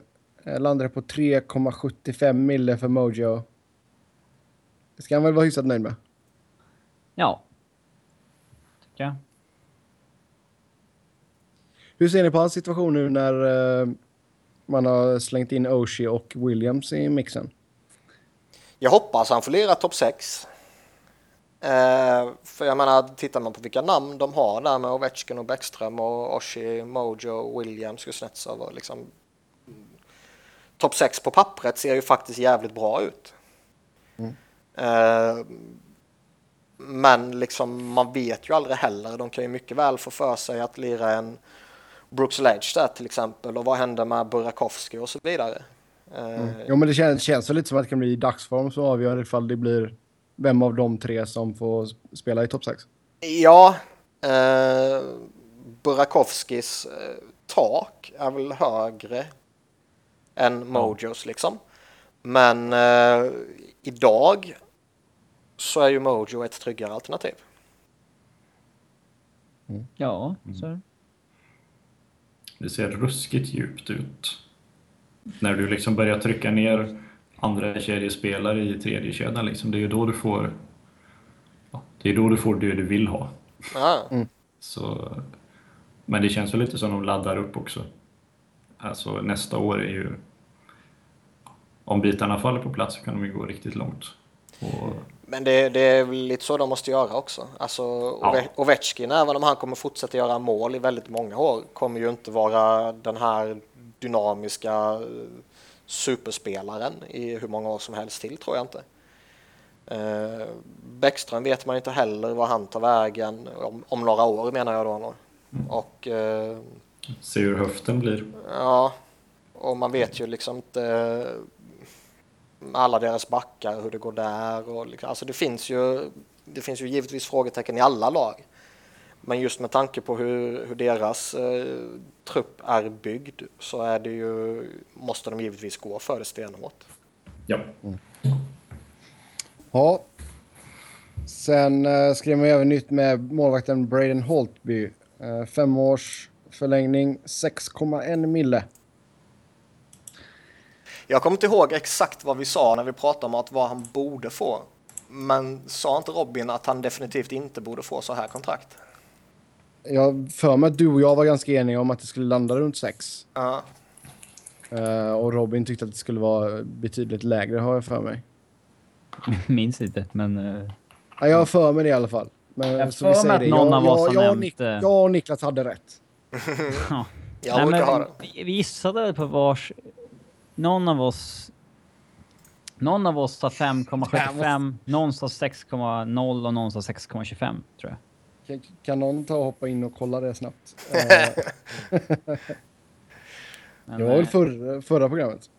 Ja, jag tror det. Ja. Robin får lyssna i efterhand. Ja, exakt. Ehm, ja, jag sa ju faktiskt förra programmet också att någonting som Pittsburgh kan göra är att trada Brandon Sutter och ta in Eric Fear. Mm. Ja, men det var ju efter jag hade sagt det till dig. Ja, sure. Sure!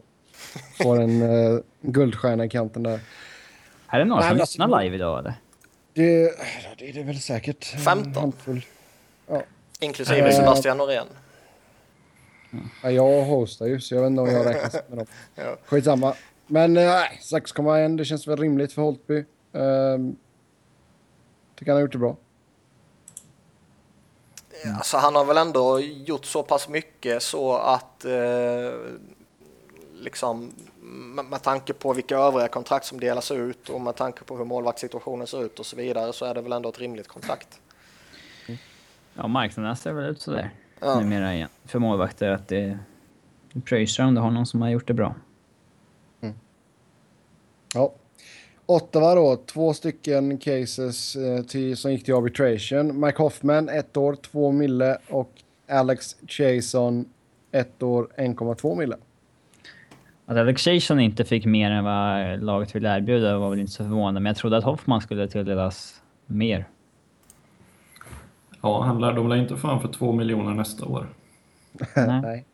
Det, Nej, inte, alltså det är konstigt att eh, man, man pytsar upp 27 baljer liksom och får två miljoner. Ja. Ja, och om man... Typ allt var väl 5 mot 5 också? Det var ju en... Det Ja, tar ju jättelång tid, kommer jag ihåg, innan han gjorde powerplay-mål i alla fall. ja. Ja. Och menar... Han han fick hans- ju inte jätteförtroende i Ottawa. Nej. Och alltså, hans, så- hans fancy stats var ju också... Alltså, det var ju väldigt lovande om man säger. Alltså det som man, det som man kan, kan se, se lite mer hållbart än... Jag menar, klart, man, man kan ju dunka in 20 baljor med lite, med lite flyt och sånt där, men eh, det verkar ju som att han kommer kunna fortsätta göra det i framtiden. så mm, Lite kanske att han hade fått närmare 2,5, 2,7 miljoner eller någonting, men bara två är ju ganska, är ju ganska Ja. lite. Han bad väl om 3,75? Ja, och laget erbjöd 1,6 typ eller något Ja, så arbitratorn lägger sig närmare det. Men jag tycker det har varit många sådana. Alltså, de, arbitratorn lägger sig inte mitt på mitten utan lite närmare lagen. Mm. Sommar. Jag vet inte. Ja. Jag tycker bara hela systemet är så jävla skräp liksom. Ja, borde sändas på TV för det första. Ja, det, då skulle det kanske vara mindre skräp. Men nu, nu känns det ju bara liksom vad då liksom arbitration om ni inte kommer överens liksom, vad fan. Det känns jättekonstigt och sen det här liksom tramsiga att eh, spelarna vill ha ett överpris och, och lagen vill betala jättelite. Eh, och sen så landar det i normala fall då liksom där mittemellan någonstans. Är det inte i baseball så att bara arbitrating går in och säger det här är din lön? Jag Ja. har för mig det. De har inga såna, inga Stämmer. såna offers eller något utan det är bara det här får du. Och så är det Mm. jaha. Och så får lagen säga om de vill om de vill ha det eller om de vill släppa han liksom. Ja, exakt. Det, Ja, det hade väl kunnat vara någonting. Ja, alltså det, var, det är ju rimligare för det här blir ju bara liksom där, där lagen går in och, och slänger upp ett alldeles uppenbart eh, underpris liksom. spelaren gör samma sak åt andra hållet. Och Ja. så. Det måste vara jävligt soft att vara arbitrator egentligen. För du får ju två siffror att jobba med och sen så får du bestämma liksom, äh, men, ja, vi lägger oss på mitten och så drar vi oss lite åt något håll.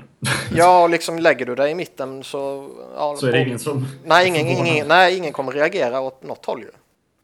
Alltså jag tycker hela, hela upplägget är bara så jättekonstigt. Men jag skulle vilja ha TV. För alltså sitta och se... Tommy Salos tårar eller? Ja, eller jag tänkte ju se Jonathan Berniers eh, med, med Lou Lamorello. Mm, jo. Det var kanske förmodligen inte så blodigt, men jag skulle väl bara vilja se han sitta och snacka med en spelare och berätta liksom att... Ja, men det skulle här- skoj att se liksom... Eller Mo- PK, PK Subban förra året. Det var ju... Ja, men Mojo och hans eh, svenska agent. Ja. Vem är hans svenska agent? Ja, jag, jag pekar inga finger, jag bara säger det vore jävligt spännande. Han har ett Twitterkonto som är eh, Ja. underhållande. Ja. Var, var arbitration hearingen i, i, eh, i the headtown of Amerika? New York eller? ja, exakt. Ja, herregud. Ja. Ja. Yes, vi går vidare. Colin Wilson, Nashville, fyra år. Strax under fyra mille landar hans capita på. Vi sa väl också det när vi pratade, vem var det? Smith fick väl något eh, strax över det har jag för mig. Ja. Mm. Och Vi sa väl att han landade väl strax under det. Så jag tycker det var rätt väntat som sagt. Ja. Sen uh, Derek Stefan. Rangers fick äntligen löst ett kontrakt. Uh, sex år, 6,5. Också rätt väntat.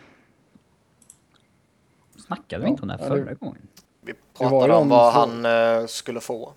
Ja, det var ju de siffrorna vi snackade om tror jag. Ja. Men det har ju alla Så, gjort eh, också, så det här var ju jätteväntat egentligen. Liksom. Och det är väl där han ska ligga någonstans också. Eh, rimligt. Det är väl för, för en, eh, en sån där center som liksom balanserar mellan att vara en första center eller andra center egentligen. Eh, Så är det ju ett, ett rimligt kontrakt. Ja. Alltså han är, han är, alltså om man säger i ett bra lag så ska ju Derek Stefan vara andra center. Ja, de... Jag tycker väl han balanserar mellan att vara en, en eh, average första center och en, och en ja, lite sämre än average första center. Men det... Ja, men det var ju typ där någonstans jag menar också egentligen.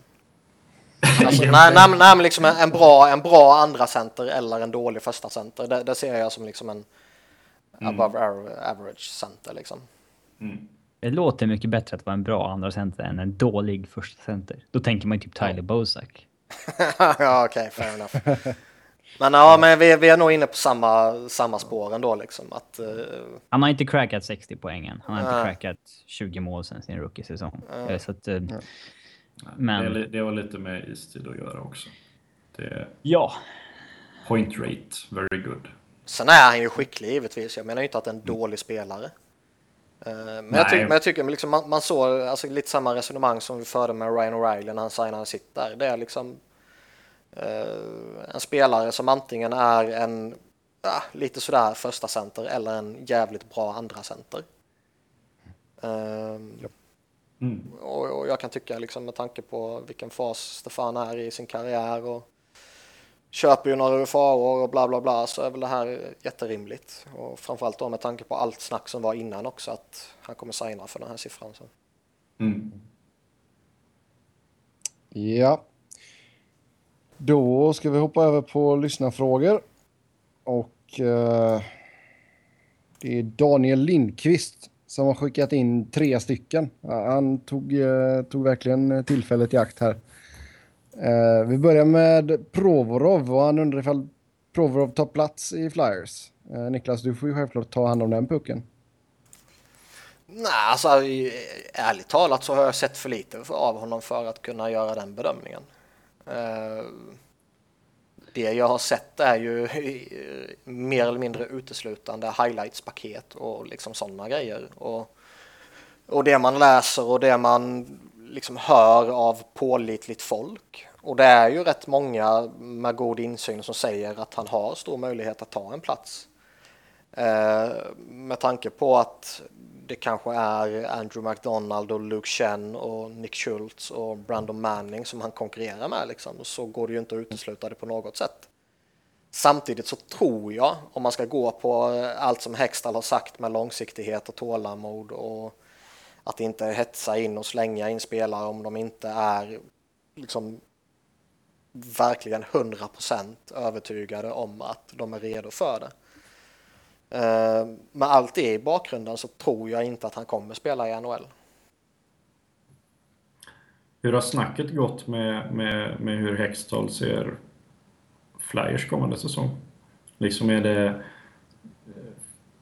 Tank Nation. Ja, men är det, ut, är det uttalat liksom att vi ska försöka gå till slutspel eller är det liksom uh, try to get better every day? Ja, jag, jag, minns inte exakta liksom, formuleringarna, men det han säger och det han har sagt länge är ju att vi är alltid ett lag som försöker vinna liksom. Mm. Men att vi inte kommer försöka... Ja, men, men liksom... Uh, vad ska man säga, allting Tim Murray gjorde eh, visade ju på det motsatta. Mm. Eh, liksom Hextall har ju inte briserat på det sättet som Murray gjorde. Utan det man säger är ju att vi, vi kommer alltid försöka gå till slutspel och vi kommer alltid försöka vinna liksom. Men mm. numera kommer vi inte göra det genom att skicka iväg unga spelare eller draftval mot veteraner. Utan mm. man, man kommer liksom bygga långsiktigt och med tålamod. Men givetvis kommer man alltid försöka vinna. Det är lite synd. Det försämrar ju Los Angeles Kings chanser avsevärt. ja, verkligen. Men eh, nej, men alltså det... Det är, väl ingen, det är väl ingen fel att skicka tillbaka han och låta han Uber äga juniorligan en säsong till. Nej, exakt. Alltså eh, Problemet som jag snarare ser det är ju med, med Sunheim, liksom som redan har tokdominerat eh, juniorligan och som eh, liksom nästa steg bör ju vara då AHL eller NHL. Mm. Men eh, det ena steget får han ju inte ta. Nej. Nej. Nej, men det är ju det som är så, alltså, vi har ju snackat lite om detta förut och det är, det är ju verkligen en sån grej som jag önskar man kunde, kunde ändra på. Att du får ja, att du får tinga en eller två gubbar liksom, som du får skicka till AHL istället för att sända tillbaka till juniorligan. Det, det, jag tycker inte det är, när du redan har dominerat så som Sälenham har gjort. Liksom, alltså ni får gärna väga in på det här också, men alltså, ger det verkligen honom någonting att, att gå tillbaka till juniorligan då? Alltså det finns ju en viss logik i att de har den här, eh, eh vad säger man, eh, bestämmelsen eller regeln vad man ska mm. säga. Men jag tycker ju liksom för den enskilda spelaren och framförallt i ett sånt här fall och givetvis många andra fall också där, där man verkligen har alltså som han har tokdominerat den här ligan. Mm. Alltså det, det, är ju inte i sitt draftår också. Ja, alltså det är ju inte dåligt att gå tillbaka. Men jag tror ju att utmaningen och utvecklingen eh, skulle gynnas på ett annat sätt av att spela AHL. Mm. Man kan väl, de, alltså de borde väl ha typ som OHL har liksom exceptional status för kanske en spelare per lag eller någonting. Ja, men något sånt. En eller två spelare. Ja. Så är du den högsta... Alltså är du en första rundare så kan du gå i ett NHL, eller AHL ett år tidigare eller någonting. Ja, typ. Sen, sen förstår jag ju varför Alltså CHL, kanadensiska juniorligan, aldrig, aldrig, aldrig skulle gå med på det. Det är ju ganska uppenbart, det behöver man ju inte vara Ja, nej, nej, nej, nej. Men, Oj, eh, det, är ju, det är ju fan en business liksom. Så det ja, är, exakt. Det är så, men för en del spelare, oftast om man säger, alltså, säg, säg topp 5-val i draften, eh, så borde man väl kanske kunna få skicka dem till AHL. I alla fall eh, i alla fall en säsong tidigare. Då. Mm. Så, ja. Men men. Det man kanske gör det är ju om man eh, testar honom fem eller nio matcher liksom. Mm. Ja, det blir det. Ett par matcher blir det väl. Det beror lite ja. på. Säg att han är Säg att han är bra på försäsongen och så får han, får han spela tredje backpar en två, tre matcher och se hur det går. Liksom. Ja, exakt. Sådär. Men samtidigt, det finns ju liksom ingen idé att börja ticka någon eh, klocka på hans kontrakt och sådana där grejer heller. Och det är väl samma med många andra spelare också, att i det stora perspektivet så är det väl lika, förmodligen lika bra att skicka tillbaka han. Eh, ja. Med, med det i åtanke också. Mm. Det, det blir sällan fel i alla fall att ge ett år till. Nej, precis. Ja, sen nästa fråga var, blir Devin Dubnik årets flopp? Uh, kom in till Minnesota, spelade sjukt bra. Blev uh, Vesna-nominerad och fick ett uh, sexårskontrakt som uh, tack för väl utfört arbete. Finns det risk att det blir pannkaka av allting nu? Alltså det, det är väl... Jag, jag, har alltid gillat Dubnik. Alltså jag tycker att han var underskattad under Oilers-tiden också sådär. Att han fick för mycket skit. Ja. ja men det var ju Oilers. Ja, men alltså det, det, är väl inte omöjligt att han kanske tar ett litet steg tillbaka. Eh, ja, han, med han, tanke på han, hur jävla enastående han var. Han är ju inte en 936 målvakt. Nej, men, det, det, men jag ser ju mycket till att han ska bli en flopp. Alltså, han spelar ju ändå i ett gediget lag. Ja. Han, har ju, han har ju haft, han har ju spelat fem säsonger. Han har en fullständigt bedrövlig säsong. Men resten har ju varit okej. Okay. Sen har han två stycken som är typ League Average, en bra och en magiskt bra. Och jag, jag tror han är en lite över medel starter, kanske en medel starter. Liksom. Det är väl helt okej. Okay. Det, mm. det är typ, alltså, fan titta på Minnesotas målvaktsspel innan han kom in. De hade varit jävligt nöjda med bara medel. ja, ja, herregud. Så det tror jag är lugnt. Och helt plötsligt blev ju... Äh, ja, vad fan heter han nu? Uh, ja, Mike Geo blev ju helt plötsligt en bra coach när han fick en bra målvakt. Det är sjukt. Mm. Det, är som, det är som Patrick Roy från ena säsongen till den andra. Bra alltså, målvakt. Mål, målvaktsspelet var bra i fjol också. Ja, det är för sig sant. Ska vi, då får vi hitta någon annan som har vunnit vunnit Jack Adams med bra målvaktsspel och sen inte fått det och så var det lite svårare då. Mm. Sen eh, sista frågan då. Får vi någon i Arizona som gör över 20 mål den här säsongen? Vem fan skulle det vara? Mikkel Budk. Ja, det är... Ja, alltså, Jag Bö- ju spelar Bö- Bödker 82 Bödker- matcher så har han goda chanser för det. Han gjorde 19 mål 13-14 och så gjorde han 14 på 45 förra säsongen. Spelar han Bödker 80 kan nog matcher i i det. första line så är det dåligt om han inte gör det oavsett vilken omgivning det är. Ja. Sen, eh, sen eh, Oliver Ekman Larsson kan väl hänga 20 också säkert. Igen, tror du det? Ja, 20 Ja, kan kan. han nog komma upp i. Kan kan han. Det beror, Jag det kan, beror ju på om man spelar med Grossman eller inte. Han gör ju mål på halva isen, halva isen liksom. Så det, Ja. Han får ju bra confidence på träningarna så... Det är bara bara att fortsätta. Ja, det kan, det kan han säkert göra. Det beror ju lite på... eh, Alltså, oavsett hur dåligt lag man har så är det alltid någon som spelar tillräckligt många minuter för att kunna göra 20 mål. Ja, och alltså det, det går ju inte att slänga... 20 är ju ingen jättemagisk gräns. Nej, och det går ju inte att slänga liksom Vermetten är bussen heller. Han kan ju mycket väl nå 20. Ja, det finns ju däremot... Anthony Duclair. Ja. Ja, om man får Han spela liksom. Eh, Ja, det kommer han. Han kommer spela. om han får spela. Han Samma kommer som att att spela. spela mycket liksom. Eh, Han Det- och de det kommer ju båda få spela ordentligt. till exempel 30-målsgränsen, den är ju lite mera...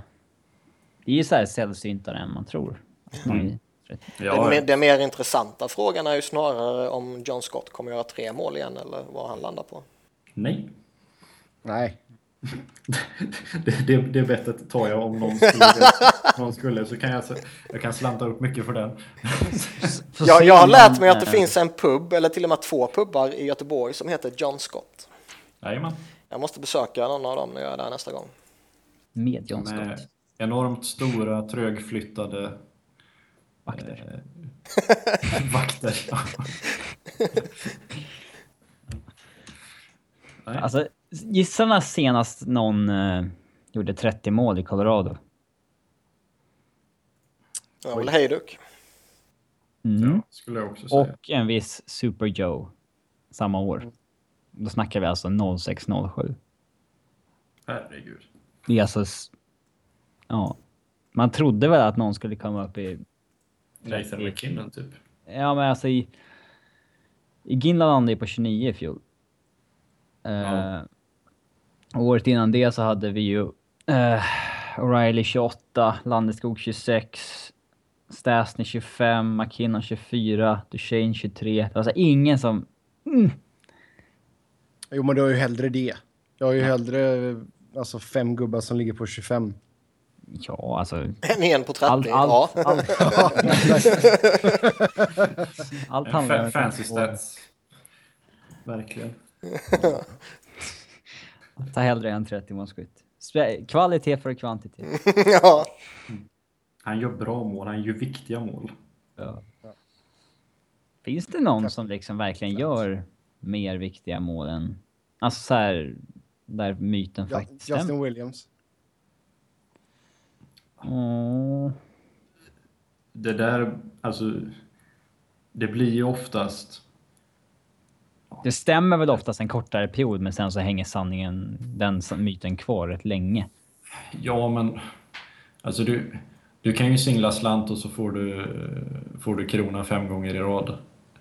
Ibl- Ibland så blir det ju så alltså att det blir upp, upp, upp, upp, upp. Eh, Sen de spelarna som ses som clutch, det är oftast vilka okay, det är stjärnspelare. Vilka är stjärnspelare? Det är de som gör många poäng. När du behöver ha ett mål, vilka är det du sätter ut på isen? Det är dina stjärnspelare. De får möjlighet att göra mål och de har kapaciteten att göra mål. Och ibland så blir det så att de gör det. Och då liksom matas ju det där vidare. Så. Sen är det klart att det finns en del som är lite mer kan man säga, mentalt balanserade när det, när det verkligen gäller.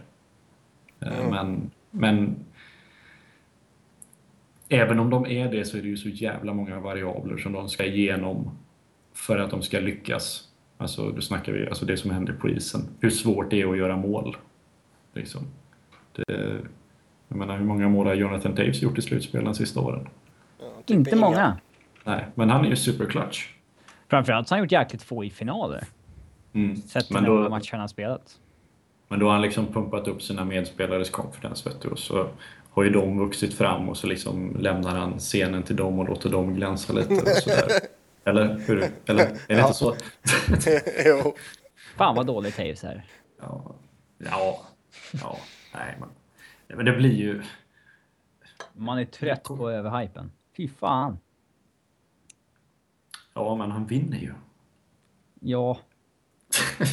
Jag sitter bara och retas dessutom. Jag är Det är, alltså, helt, helt enig. det är inte så Men grejen är att det, det är ju en jävligt skicklig tvåvägscenter och det går ju inte... helt okej. alltså all, allting går ut på att vinna och man kan ju inte förneka att han har vunnit. Men att hävda att han är världens bästa spelare är ju liksom barockt. Så det bara sjunger om det. Ja, och så skulle Patrick Kane ha spelat i ett lag som inte vinner. Då hade ju inte han ansetts vara en... Alltså han, han, var, han var tradad i förrgår. Ja. alltså han hade kunnat haft ett Kessel-rykte om han liksom spelade i ett loser-gäng. Absolut. Nu är han också liksom clutch-killen. Han har ju faktiskt varit lite mera... Ja, Han har varit mer... mer clutch än. Taves. Eh, Ja. I liksom viktiga slutspelsmatcher och sånt där. Han är i alla fall s- not point per game de flesta säsongerna han har lirat. Taves har ju, har ju bara gjort det eh, halvsäsongen. Mm. Ja. Ska vi ta och runda av där då? Ja, vi gjorde det då. En sak vi kan Ja. tillägga är ju att eh, när vi ska utse de sämsta spelarna som vi någonsin har sett på en is i NHL under våran tid, som vi ju sa vi skulle göra, sköt jag på lite nu när vi fick med Petter som inte är tillräckligt ond. Oh, Vad ska Ja. vi sätta för variabler på det? Ja, Man får många sätta minuter ska man ha spelat? Ja, minuter eller matcher eller säsonger eller något sånt där liksom. Eh, Matcher kör vi, ty- tycker jag nästan. Vi får fundera på det. Ja, minuter känns lite väl jobbigt va? Men det, nej, men, men eh, det krävs ju så jävla mycket research så då kände jag att nej, då väntar vi med det. Då slipper får jag, får jag, första får jag droppa några? Ja, ja. Ja, visst. Eh, back. Mark Frazier. Han är En... Nej. Han är så orörlig och så fantastiskt dålig. Och jag var tvungen att... Eller jag tvungen. Jag valde själv att utsätta mig för att se han spela ganska många matcher förra året. Eh, med New Jersey. Eh, en annan spelare, ganska underhållande men otroligt dålig på att spela ishockey, Cam Jansen. Som har spelat typ sju säsonger i NHL på något vänster. Eh, Just det. En gammal Lou-soldat. Ja, och sist men inte minst numera i Riga tror jag, Tim Sestito som nästan... Han var på väg att slå rekordet för antal spelade matcher för en forward i NHL utan att göra mål. Men jag tror, jag, jag tror, han, kom upp, jag tror han kom upp i 107 matcher, rekordet är typ 130. Eller något sånt där. Det är svårt att inte nämna Tanner Glass med tanke på hur många, många matcher Ja. han har gjort alltså. Ja, Han är ju liksom tokordinarie. Ja, och hur populär han är just, alltså... Alltså Alain Vigneault som ju en, verkar vara en, en superslipad gubbe. Skitsmart. Men han ska ändå ut och lira. ja. Då måste man ju faktiskt vara riktigt populär i gruppen typ och sådär. Ja, ja, måste vara sjukt bra i omklädningsrummet för att få följa med ut på isen. eller hur? Det, Ja, men det måste ju vara det. ja.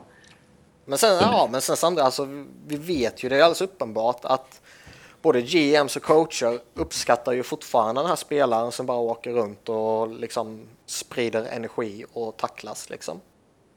Trots att han inte kan göra någon som helst jävla nytta med pucken så är ju den spelartypen fortfarande attraktiv. Han skapar utrymme. Ja, Tänk om man hade det på andra jobb. Man som bara skapar utrymme. Sitter, sitter som sitter och du driver en tidning och så har du en gubbe som bara sitter och trycker på space. Ja, jag skapar utrymme. Ja, eller liksom backen som andra kommer rensa framför mål. Kan inte någonting, ja. men han är liksom lång. Tillåter andra att glänsa med sin egen liksom, ja. låga prestation. Den rollen på jobbet kan man Jag är i alla fall inte sämst kan de andra säga. Exakt. Ja, med det så säger vi tack och hej för den här veckan. Som vanligt så går det bra att köta hockey med oss via Twitter. Mig hittar ni på att Noren. Niklas hittar ni på att Niklas Wiberg, Niklas med C och enkel V. Robin hittar ni på R underscore Fredriksson och Petter hittar ni på numerärt övertag. Så eh, tills nästa gång så ha det gött. Hej! Hej! Hej! Hej!